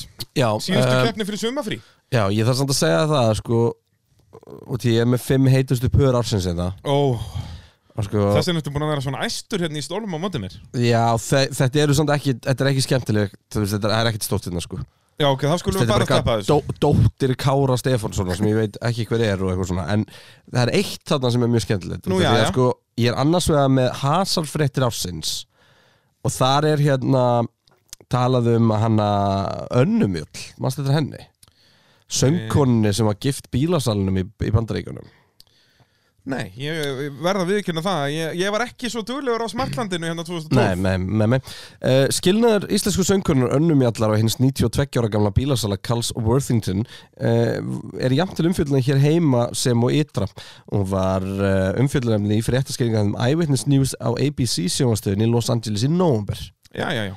En sko, takk eftir, hvað hva, heyrðu þú síðast orðið sem ég segi? Nóvember Já. Uh, Fimm heitustu nýju pör ársins eru meðal annars söngkorn Anna Mjöll sem fann ástina á nýja árinu Svo hefni heiti Luca Ellis og er frægur jazzsöngur í Los Angeles Anna Mjöll og Herra Ellis skráði sig í samband á Facebook Og ég er bara að spá sko, það er umfjöldunlefni í nóvember En hún er líka í heitustu nýju pör ársins Já, sko. það er bara nóg að gera hjá, hvað, hvað heitir hún? Anna Mjöll Já, það er frábært. Þetta er góður tíðarandi sem við erum að vinna með um 2000. Þetta er já, heldur betur. Það, og, og líka ég kann að meta hvað Facebook er stór miðill. Núna er allt, gerist allt á Twitter eða eitthvað En þarna var, já, hún skræði sér samband á Facebook. Það er, það er þá alveg kviknar í smartlandinu sko, Og þá uh, fýrast vel upp í Kristjáninum. Uh, Skellum okkur til Ungverjalands. Hvernig væri það? Er ég ekki orðin kreinar sem sagt árið 2012? Nei, nei, þú ert bara Kristján Einar uh, bara ný, mjög uh, nýverið uh, fyrrum kapastusökumæður Já, ég er ekki búin að átta mig á því sjálfur þá í þessu orðin fyrrum. Já, nákvæmlega Hamilton er aftur komin í laugardagsformið sem hann síndi í byrjun tímabils og ekki vanþörfa á eftir að hafa skorað aðeins fjögur stig í síðustu þreymur keppnum. Hann ræsir á spóla á Hungaroring með Roman Grosjean sér við hlið, besti árangur lótusökumannsins í tímatökum. McLaren verðast að hafa fundið eitthvað laust handa Button sem ræsir fjórði á eftir Fettel en Alonso er aftur komin í sitt venjulega sjötta sæti á ráslínu. Ljósins slökna í síðasta skipti fyrir sumafrí og Fettel fer, stað, uh, fer vel af stað og er komin upp að hlið Grósjan en frakkin gefur ekki tommu eftir og að lokum kemst Fettel ekki fram úr en í slagnum missir hann Bötton upp í þriðasætið. Að venju vinnur Alonso sig upp uh, á fyrsta hring og er komin fram úr rækoninu upp í fymtasætið. Í fyrstu þjónustu hljónum breytir staðan ekkert en Alonso ke kemur þó út fyrir aftan Peres sem er að kera langan fyrsta sprett. Þannig að Alonso getur ekki notað fesku dekki sín til að ná þeim sem eru fyrir framann heldur rústar hann þeim við að taka fram úr Peres. Rækonen fer aðeins lengra fyrir sitt fyrsta stopp, nýtir sér tafir Alonso og hrifsar fintasætið tilbaka. Þetta var, það sem gerir svo ofta að Lótasandi gáttu færi lengra. Kimi gerir magnaðan miðjusbrett fyrir setna stoppið og fer aftur aðeins lengra en aðrir þöks í hönnun Lotusbílsins sem fer vel með dekkin. Rækonin kemur út í öðru sæti á undan leysfélaganum Grósjan og Fettel sem hafi komist fram úr Bötton eftir að McLaren ákvaðu að skipti yfir þryggjastopp áallun. Lewis Hamilton gerði allt rétt þessa helgina, ráspöll á laugadegi og örugur sigur á sunnudegi með helstu anstæðingana í fjórða og fymta sæti. Lotus klára með tvo bíla á velunapalli í annað skiptið á árinu. I think we're still going in the right direction and we just have to sort uh, out a few, few small things on, on qualifying. The car has been very good uh, apart from the last qualifying, so the really the time when it when it counts uh, uh, to gives you the best chance for Sundays. But we, we keep bringing a good punch in the races, so as long as we do that, uh, there's still a long way to go, and we keep giving ourselves a good chance for the championships. Kimi alltaf feskur í viðtölum. Já, sagði mér svolítið mörg orðan Já, þetta er, þetta er óvanalegt hjá okkar manni. Já, hann er ungur og vitlu svona Já, ná, nákvæmlega. Uh, Alonso eh, er þá uh, 40 stigum núna á undan Mark Webber og Fettel nálgast liðsfélagan aðeins er sem sagt Alonso með 164 stig, Webber með 124 og Fettel með 122, bara tveimur stigum á eftir Webber. Svo koma Hamilton og Rækonen núna komin upp í 5. seti, Rækonen bara einu stíg á eftir Hamilton. Og uh, já, lítið að frétta í keppnu bílasmiða McLaren aftur komnir þó hérna upp í annarsættið þar sem þeir voru fyrir síðustu keppni. En Ferrari dotnin er í fjórða á eftir Lotus. Lotus að gera virkilega Heldur betur. Við erum að tala um að lið sko, þetta lið fekk eitthvað 60 stig allt síðasta tímabil. Já, en voru bara með mjög tvo mjög sterku ökumenn á þessum tíma og bílinn var að virka. Já, bílinn, mjög skemmtileg hönnun að, að þetta, þú veist, hann er ekki með hann svona blistering hraða en fer mjög vel með dekkin og með, með þessi nýju Pirelli dekk skiptir það bara svakalega mjög Já, eina sem þeim vanda er raun og verið til að vera bara búin að vera að berja sem segjura í mörgum keppnum var bara tímatökur að það, sko. Ég minna Rós, Grósjan ræsti annar. Já, þarna. Já, já, það er rétt, en, en það er, ef þeir væri konsistent í betri tímatökum, þá væri þetta kannski önnur saga, en þú veist, þeir eru ennþá alveg hérna í slagnum, Rækonin hérna, já, með 116 stig álega möguleika með hvernig þetta tímabilið að þróast, en Alonso er nokkuð stöðugur hérna fremstur í flokki. Uh, þá komið að sumafríi uh, og Þá komið að podcastpásu. Þá komið að podcastpásu, sko, við þurfum að fara að dandalast eitthvað að lýsa einhverju formúlu og vissanast. Já, í Tyrklandi eftir uh, nýjar Já, það, það þarf einhverju að vera í því, þannig að... eh, Já, við þurfum alltaf að fara undirbúið, við þurfum að fara fyrir upp í stúdíu Já, þurfum að gera soundtest og svona vissan. Emitt, en við kannski tökum nú eitthvað meira upp á fyrir í loftið. Já, blessaða vertu og við, við bara eins og sönn útvastu þá fáum við eitthvað gott lag í gang frá, Má frá ég, sumarinu má 2012 ég kynna það eins og ég sé hérna Á FM 957 Bara FM 957 sumarlestinni? Gerðu það nuna Já, þetta er búið að vera frábær uh, klukkutími hérna að hlusta á B-hundin lesa upp allt það sem gerðist í hefstustu keppnum tímubilsir það er sumar, sól og, og, og bara stemming. 2012 bara í bullandi stemmingu hérna. Og uh, þá þurfum við að hendi eitt stemmingslag hér er næsta á fónin já, munið eftir því, þetta var við vorum öll svona einu sinni. We are young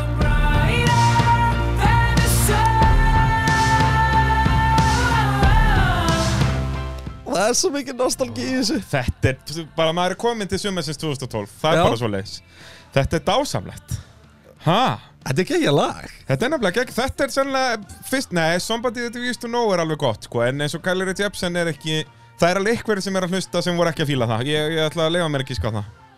Já, hvað henda ekki nokkar manni Justin Bieber eða samt En af hverju getur hann ekki verið með innkomum bara síðar þetta? Já, gæti verið sko, við hendum í uh, Var ekki Baby bara á þessum tíma? Nei, nei, Baby er 2000 og svona 8-9 sko. Það var svo mikið Baby náttúrulega Þetta er bara, þú veist As long as you love me Þú veist, það dæmi eitthvað sko. Já, já, nei, nei. alveg, Já, ég segja það, þess vegna skulum við kannski býða með okkar mann uh, Justin Bieber uh, En uh, það var sumafrí í formúlunni eins og við töluðum um og eins og venjan er að þá er það Belgia, það er Spa sem er fyrsta keppni eftir sumafrí og eigum við ekki bara að skella okkur beint í djúpulögina, kreinar minn Jú Enn og aftur er rigning á keppniselgi og er lítið keirt á föstu degi vegna rigningar. En það er sól og blíða á sunnudeginum og er það Jenson Button sem nælir sér í sinn fyrsta ráspól á tímabilinu.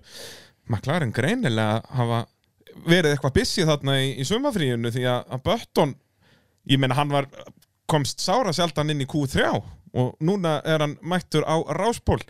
Lewis Hamilton ræsir áttundi og er allt annað en sáttur með liðið sitt. Hann fekk ekki að nota sömu uppsetningu á Button og vildi láta aðdándur sína vita af hverju. Þannig að McLaren undradrengurinn sem Ron Dennis hefði fengið til liðsins sem barn tvítaði leynilegum gögnum liðsins sem útskýruð uppsetningu bílana í tímatökum.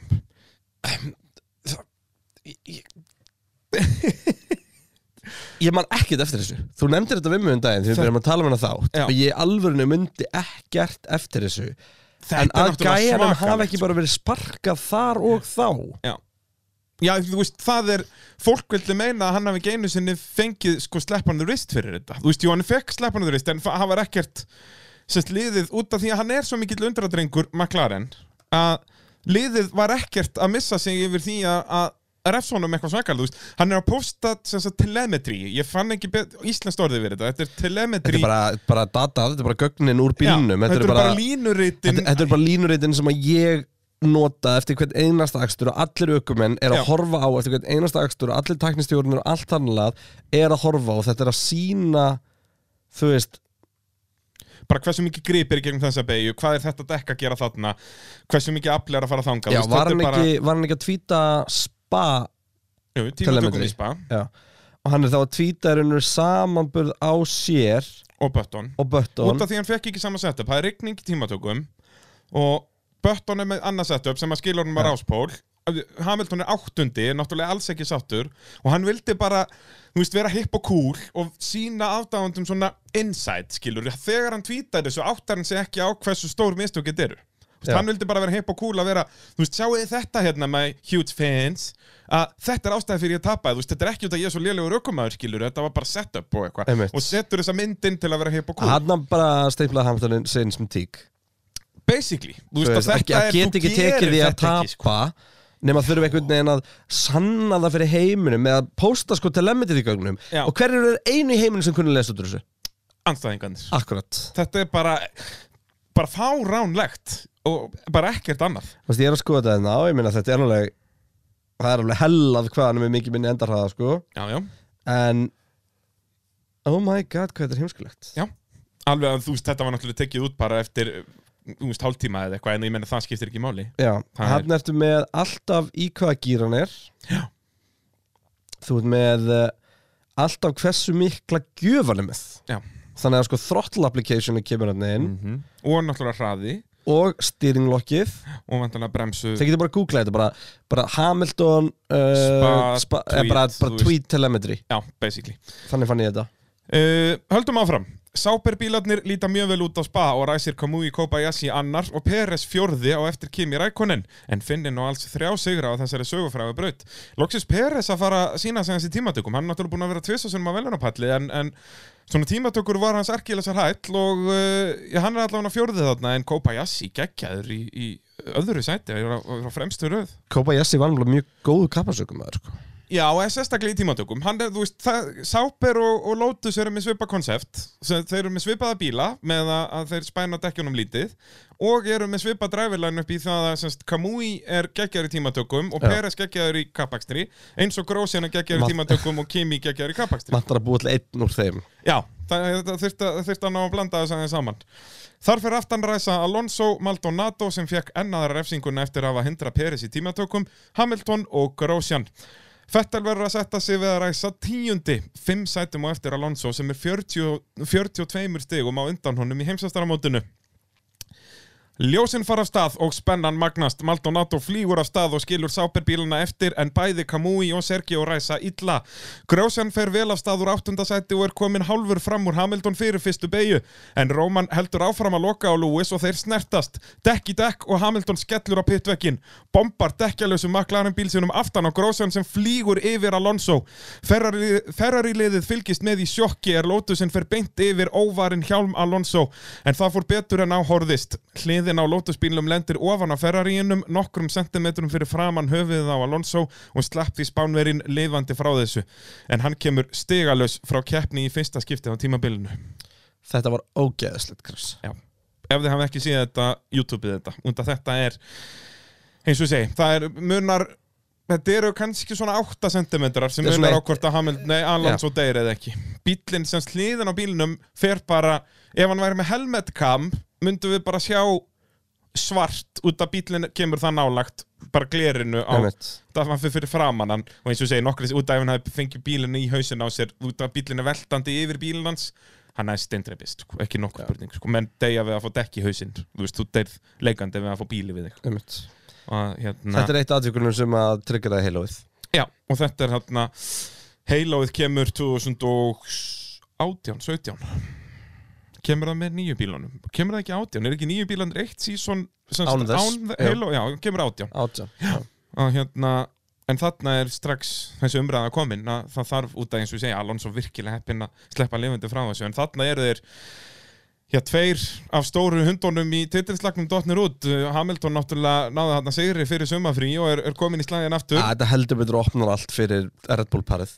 Já, sérstaklega út af Fettel og svo liðlugur tímatökum að núna er, er frábært tæki fyrir hana Einmitt búið að losa bæði bara um þrjá fjóraðna fyrir framann og það er allt þrjí fjóri sem hann þurfti að skora fleiri stigan sko. Nákvæmlega, nákvæmlega Eftir kaosið og langan örgisbíl leiðir Button. Maldonado sem var komin upp í annarsætið eftir frábæra ræsingu fekk refsingu fyrir þjóstart.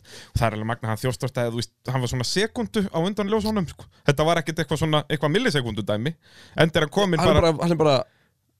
hann er bara... komin líka við tvær beigjur þegar restin Já, fyrir að þú veist, stóða. hann er fyrir áslínuna, hann ræsti sjötti eða eitthvað, fyrir áslínuna er hann komin á undan báðum sáberbílunum.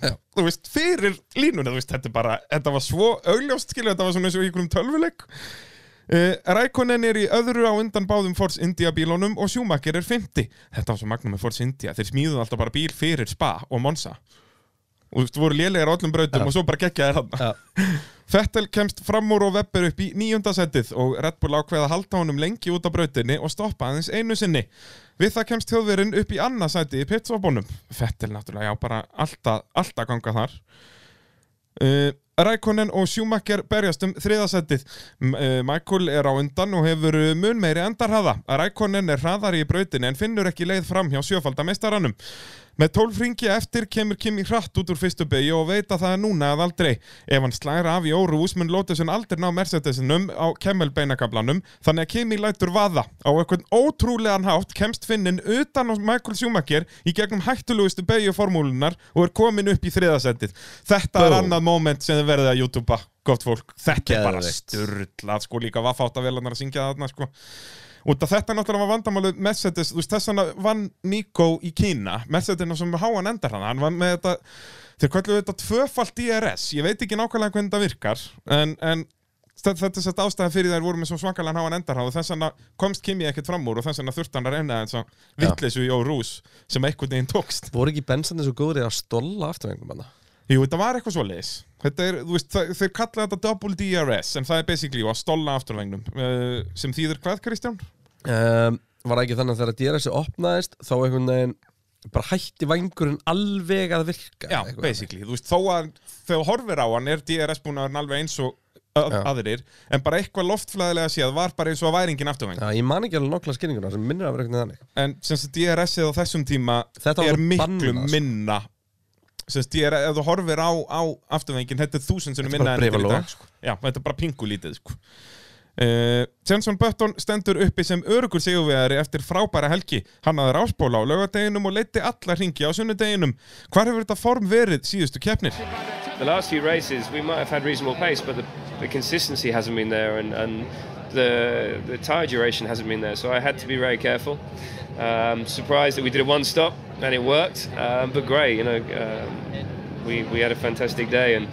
Uh, the whole race was enjoyable. I enjoyed every single lap, as you would in the lead. But um, it was just great listening to the information from the team and seeing my pit board and, and just feeling the car. And I just felt great within it. It just felt felt at one. Nú hafa báðir McLaren ökumennir unnið tvær keppnir en liðið er þó 54 stigum á eftir Red Bull. Sebastian Vettel kerði mistarlega til að láta innstopp áallun virka og náði öðru sætinu. Gríðarlega mikilvæg stig þar sem Alonso og Hamilton koma stigalösir frá Belgíu. Rækonen er á velunapalli þriðju keppnina í röð og Nico Hulkenberg nær sínum besta árangri með fjórðasætinu. Felipe Massa nær dýrmætu fymtasæti þar sem að það er tölver pressa á Brasilíumanninum og margir tala um að ná ekki að halda ferrarisætinu á næsta ári. Og já, það var, nú er náttúrulega silly seasoni svolítið byrjað, eins og venjan er hann í kringum spa. Já og uh, Þannig er náttúrulega líka bara orðrómurinn strax að byrja um að Hamilton uh, og uh, McLaren sé bara búið Maður það getur hreinlega verið uh, að, já það einhver- samstarf. Það var bara eitthvað BBC Eftir Jordan, eftir Jordan byrjaði bara að tala um þetta strax þarna bara í kringum spa. Já, bara hann, hann væri hættur að, hérna og, og náttúrulega við vitum svona eiginlega að það liggur svolítið í loftinu að Sergio Pérez mun fara eitthvað annað, ef það losnar sæti eitthvað staðar, þá er Sergio Pérez fyrsta nafn til að fara upp, að hann er búin að vera störtlaður á þessu tímabili. Já. og það er svona ennþá líklegast núna að hann sé að fara að taka þetta Ferrari seti af Felipe Massa eins, og, eins og staðan er þarna. Ef við förum yfir stöðuna í heimsvæstaramótinu Alonso með 164 stig Fettel með 140, nú er þetta komið nýr í 24 stig sem Alonso hefur í fóskot eftir að, já, þetta var náttúrulega fyrsta keppni sem var engin stig, hann er búin að vera Mr. Consistent eins og hann þarf að vera á þessum dog of a car, eins og maður segir á góður íslensku A dog of a car. A dog of a car. Uh, Webb er uh, í þriðasætinu en þá bara í, í góðum málum heimsvættaramótinu með já, 32 stigum eftir Alonso. Svo koma uh, Rækonen og Hamilton. Og Red Bull halda áfram að auka fórskoti, þú veist, já, núna er þetta alveg fara að líta þannig út að Red Bull sé að fara að vinna titil bílasmiða, þó að þeir séu bara í öðru og þriðasæti í, í keppni aukumanna þá er eins og venjan er haldið til Monza á Ítalíu. Mér langar, langar áður við lokum spa.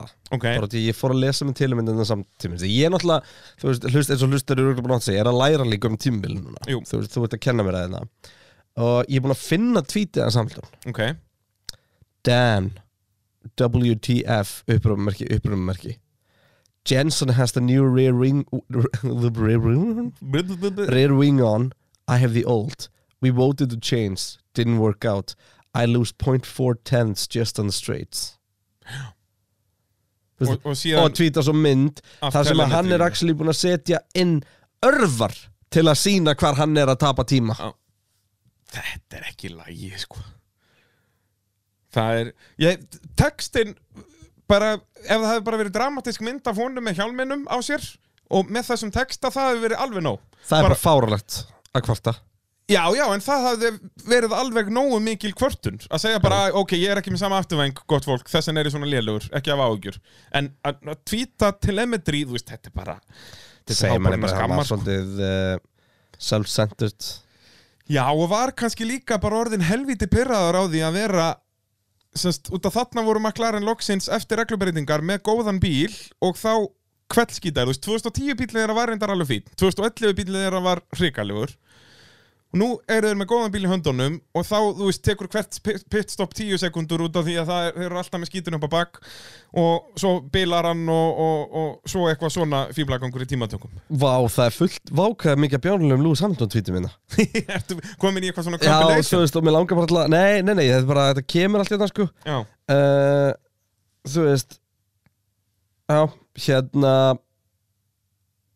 Þú veist, já, hérna Já, þú veist, eh, þegar hann er búin að posta þessu Damn, what the fuck, Jensen að það Mhm. Bætir hann við svo, nothing I could, I could do now. Nei, nothing I could do. Now it's about picking up every point I can from there. Jensen should win easy with that speed. Boom. P.S. Can't change the car once qualifying starts. I hope Jensen Button brings home maximum points. I'll try to support him. Uh, Svo er eitthvað svona meira down the road hérna sem væri er spurning um að uh, Nei, ég ætla bara að fá að segja Þú, þú hefur það bara upp í bókaðaninu Nei, ég, ég átti að tínu svo sko uh, Síðan ef að einhvern tímann í framtíðinu þeir eru mögulega ekki liðsfélagar áfram uh, Þá, hérna Bara út í verðum að tala um bjónulega Hamilton tweet Just notice Jensen Button unfollowed That's a shame. After three years as a teammate, I thought we respected one another, but clearly he doesn't. Og það sem er best, sko... Er hann 14 ára? Það sem er best, sko, og hérna er að Jenson Button, hérna, er hérna John Noble, Formule 1, uh, bara mjög þekktur Formule 1 blamaður. Tweetar hérna, more fallout from driver announcement. Jenson Button has stopped following Lewis Hamilton on Twitter and added Sergio Perez instead. Og þá svarar Jenson Button, I don't really use Twitter, I never followed him. Makes a good story though. Já, já, frábær frétt alveg hrein Og Hamilton búin að kvarta. Bara, Bræi er ekki lengur vinur minn á Facebook. Við vorum aldrei vinir á Facebook.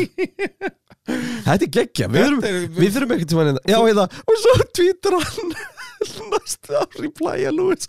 My bad, just found out Jensen never followed me. Don't blame him, need to be on Twitter more. What the fuck? Þetta, er, þetta er eins og sérst að lesa Twitter-account hjá 13 ára Þetta er ástæðan fyrir því að Formule 1 aukumenn fá ekki að vera með Twitter sitt sjálfur Já, lengur. núna er bara media gægi í þessu svo að svona fýblagangur gerist ekki. En þarna greinlega var það ekki komið þannig að við fengum svona dásamleg þetta er svona eins og bara kæra dagbók. Í dag var Jenson Button leiðilegur við mig. Þetta er alveg dásamlegt. Jöp Uh, Monza á Ítalíu. Roman Grosjean fekk keppnisbann á Monza fyrir að leggja líf Fernando Alonso í hættu með glæfraækstri sínum á Spa. Fyrrum Virgin Racing okkumaður Jerome D'Ambrosio tók sætið hans hjá Lotus í þessari síðustu evrósku keppni tímabilsins. Og uh, já, það er nú ekki oft sem að það gerist að okkumaður fær keppnisbann, Kristján. Nei, þarna er náttúrulega ekki komið inn sko puntakerfið Nei, ja, það er komið í eitthvað svona Einhverju svona geð, geðþátt ákvörðun dómara Já, þess að það er eitthvað skonar punktar en svo er hægt að yfirskrifa það allt og eitthvað svona, þetta er, eru ennþá að finnpúsa þetta Ja. kerfi, sko. Þannig að, að já, engin, engin grósjan í, í, eh, á Monsa. Allt, allt virtist aftur uh, vera komið á réttan kjölmilli Hamilton og McLaren en Bretti náði rámspól í tímatökum. Jenson Button ræsir við hlið hans og Felipe Massa heldur áfram að þakka niður í uh, Evaröttum og ræsir þriðja á heimavelli Ferrari. Nafnið sem Ti- Tifosi hafa sungið hvað hæst síðust árin ræsir fjórði á sínum Mercedes. Alonso uh, lendi í vandræðum með ballanstöng uh, að aftan í tímatökum og ræsir tíundi á undan Webber og Peres. Hann er Webber farin að- að svona aðeins detta af vagninum, uh, eins og við segja, hann er ennþá alveg í slagnum titilinn en já, eins og. Eins og við sáum árin á undan Já.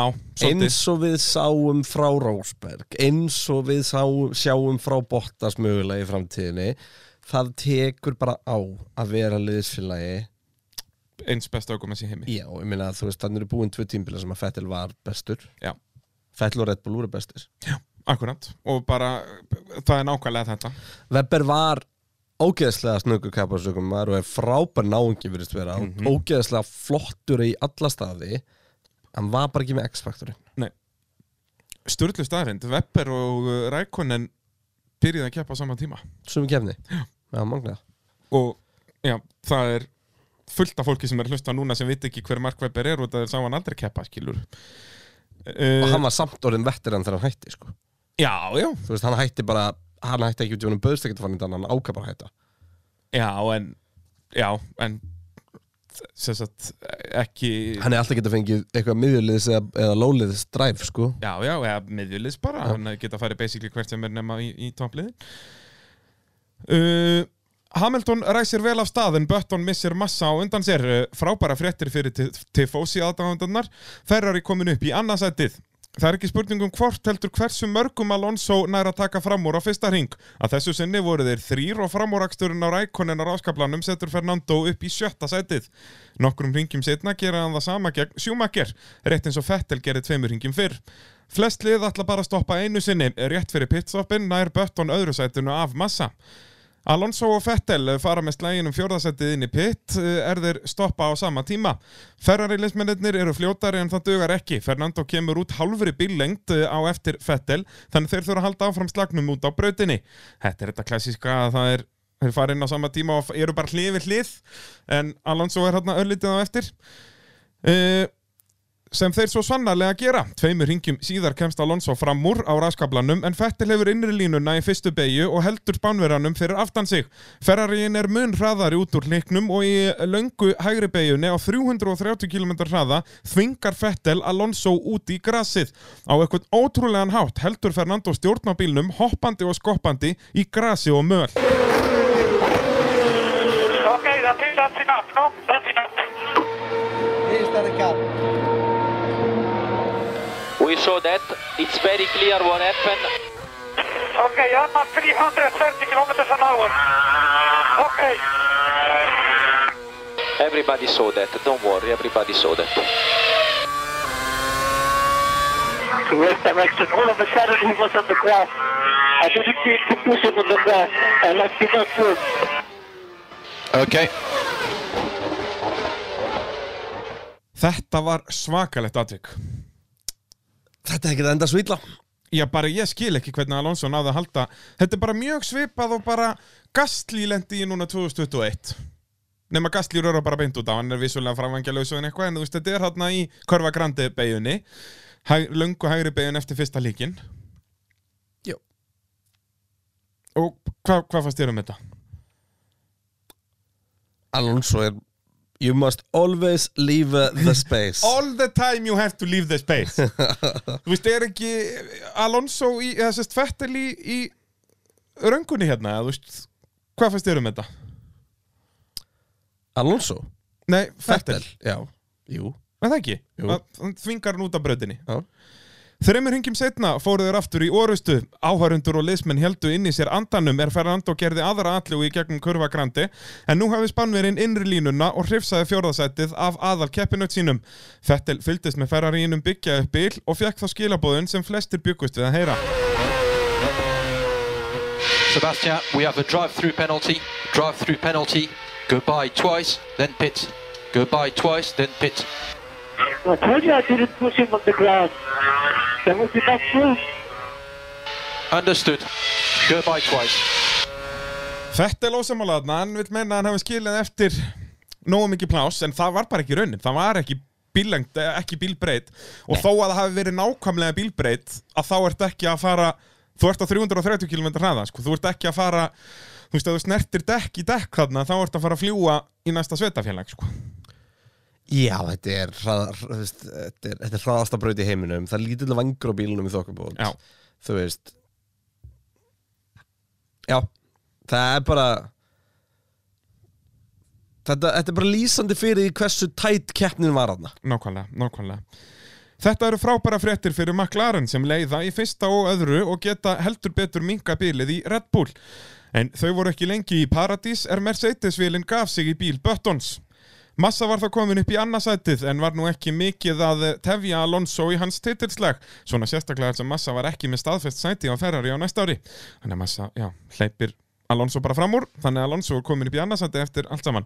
Annar aukumæður sem ekki er vitað um hvar muni keira á næsta ári er Sergio Pérez. Hann er fljúandi í brautinu og er komin upp að gírkassa massa í þriðasæti eftir að hafa ræst áttundi.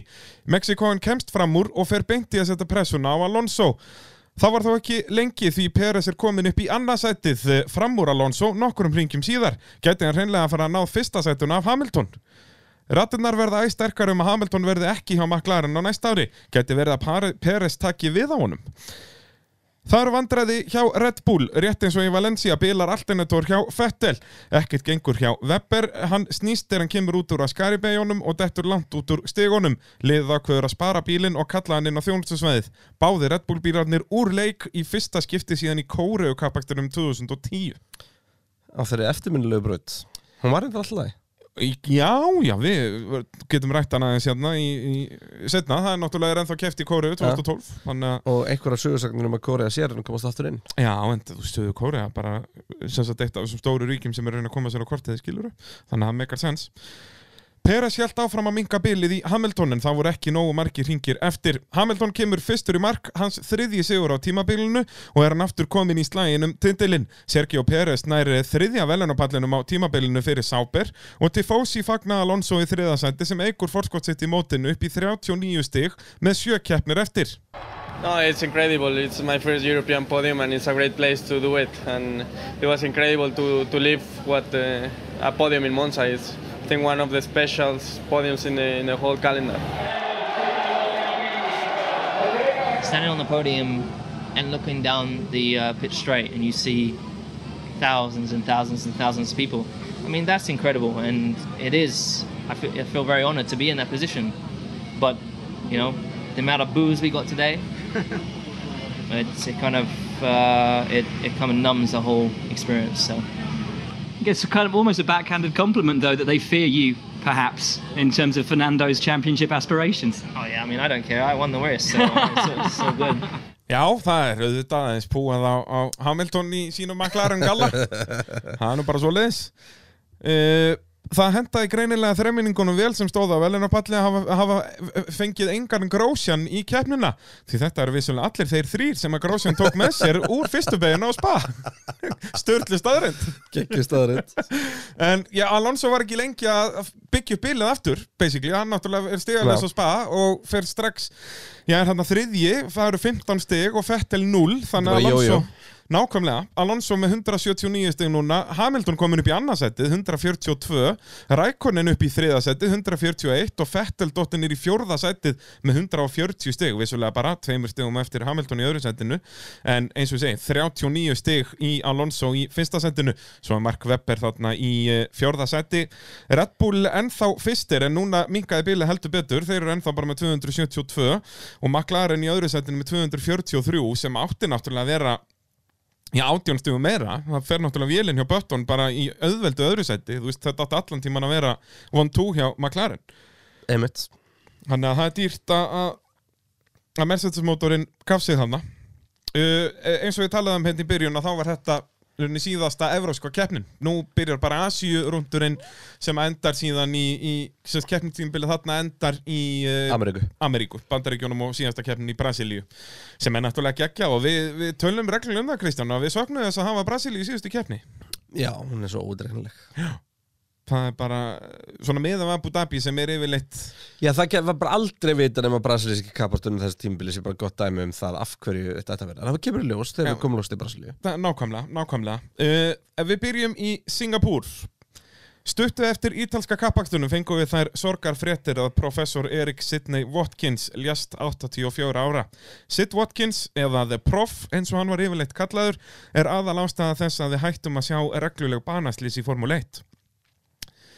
Hann byrjaði með læknabílinn svo kallaða sem uh, eldir ökuminn í gegnum fyrstu beigjur sem eru vissulega þar hættulegustu í hverju keppni.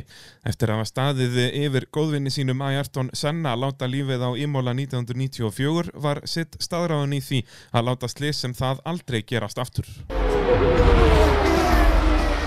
He was one of the most gentle people that you could imagine. He was getting old and he was starting to campaign heavily for safety. You've seen the movement? No, he's all right. He's all right. He's shocked, of course, but he's all right. Okay, you. On Sunday morning, just before the race, I said to Martin, you know, you're the fastest guy around. Why don't you quit? He said, I can't quit. I have to go on.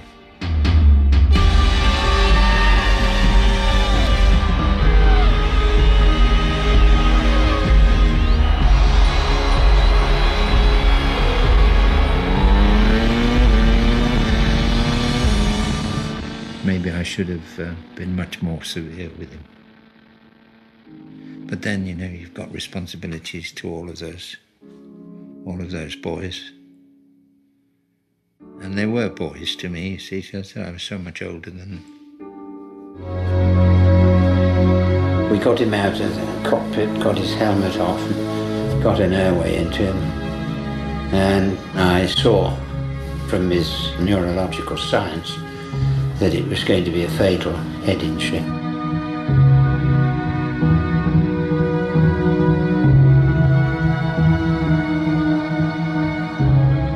And then he sighed and his body relaxed. And that was the moment, and I'm not religious, that I thought his spirit had departed.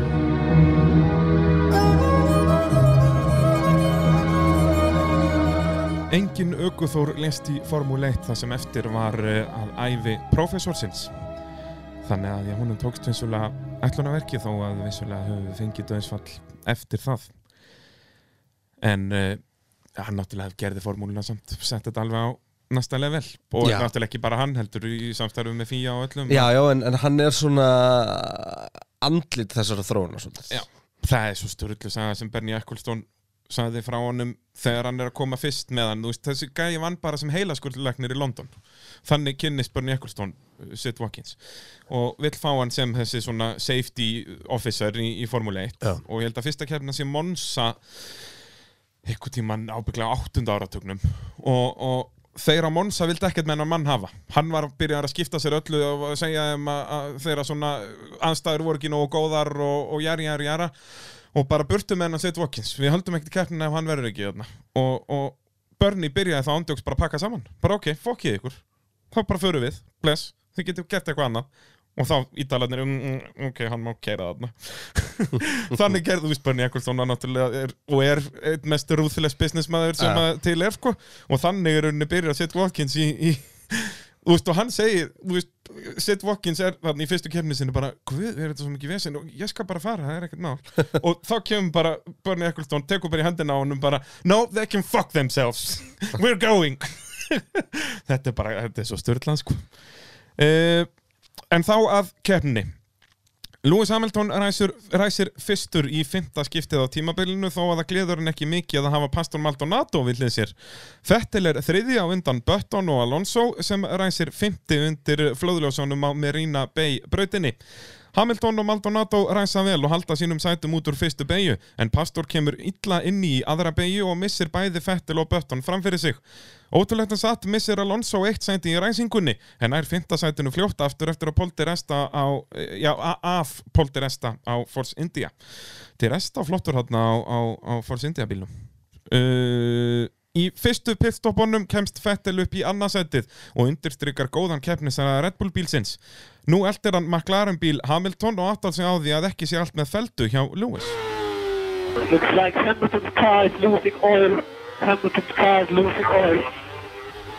Understood. Um, non-E shift. Every single shift. Understood, Lewis. We're looking into it. Keep going. Pace is good, and we are looking at target stop lap. Girkassin hjá Hamilton er að leka ólíu og á lokum gefst hann alveg upp.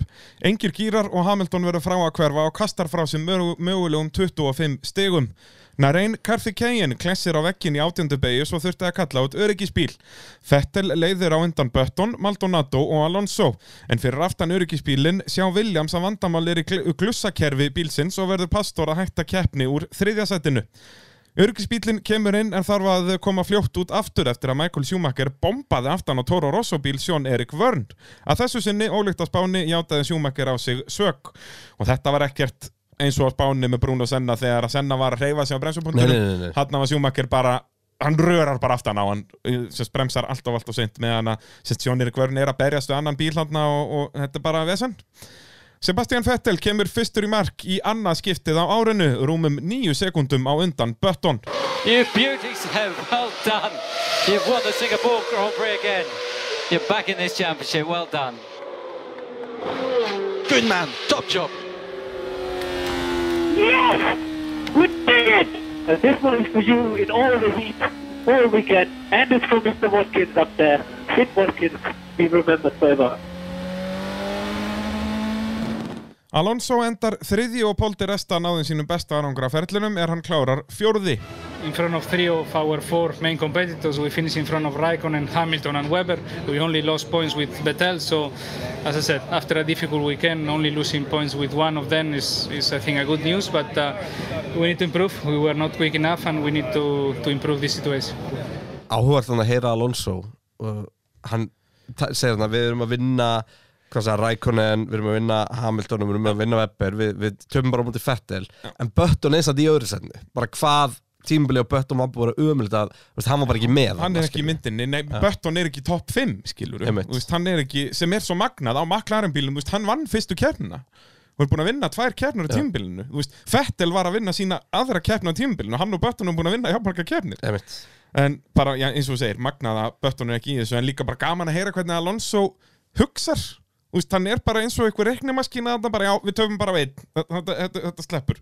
Veist, ekki að tala um eitthvað hvernig keppnin sjálf var heldur bara, þetta snýst allt um stíðin og ég staðan eftir Singapur kappaksturinn er það þannig að Alonso leiðir með 194 stig Fettel komur upp í annað með 165 þannig er byrjað að minka bilið aðeins en hvað er þetta, 29 stig á millið þeirra? Svo kemur uh, Rækonen uh, talsverð eða svo nokkrum stigum þar á eftir og svo Hamilton og Webber. Og Red Bull uh, bæta aftur í fóskoti á McLaren en McLaren ennþá alveg í slagnum en þetta náttúrulega var ansi dýrt með Lewis Hamilton. Uh, Nú þurfum við að taka okkur enn annað aðra podcastpásu. Við, ég kannski hendi ykkur góði lægi á fóninn. Já, mér langar til að benda líka eitt sko í topp fjórum eru Ferrari, Red Bull, Lotus, McLaren. Já. Það er ekki fyrir í fymta sæti sem að kemur síðan annar, Annar bíl í Já, það eru fjóri mismunandi bílar í, í heimsmeistarmótinu og þetta er hvað, 13. keppnin á tímabilinu? Uh, Já, 12. eða ekki, þú veist, við erum rúmlega hálnaður og það eru fjórir bílar að berjast um titl Þetta er svo störtlans uh, Við ætlum að fara að lýsa. Já, við ætlum að fara að lýsa. Við ætlum að hætta að tala og að fara að tala. Sem að fara að sjá hvernig sé rigning í Tyrklandi Við skulum uh, sjá uh, Já, við sjáumst bara eftir 5 sekundur eða svo. Heimilt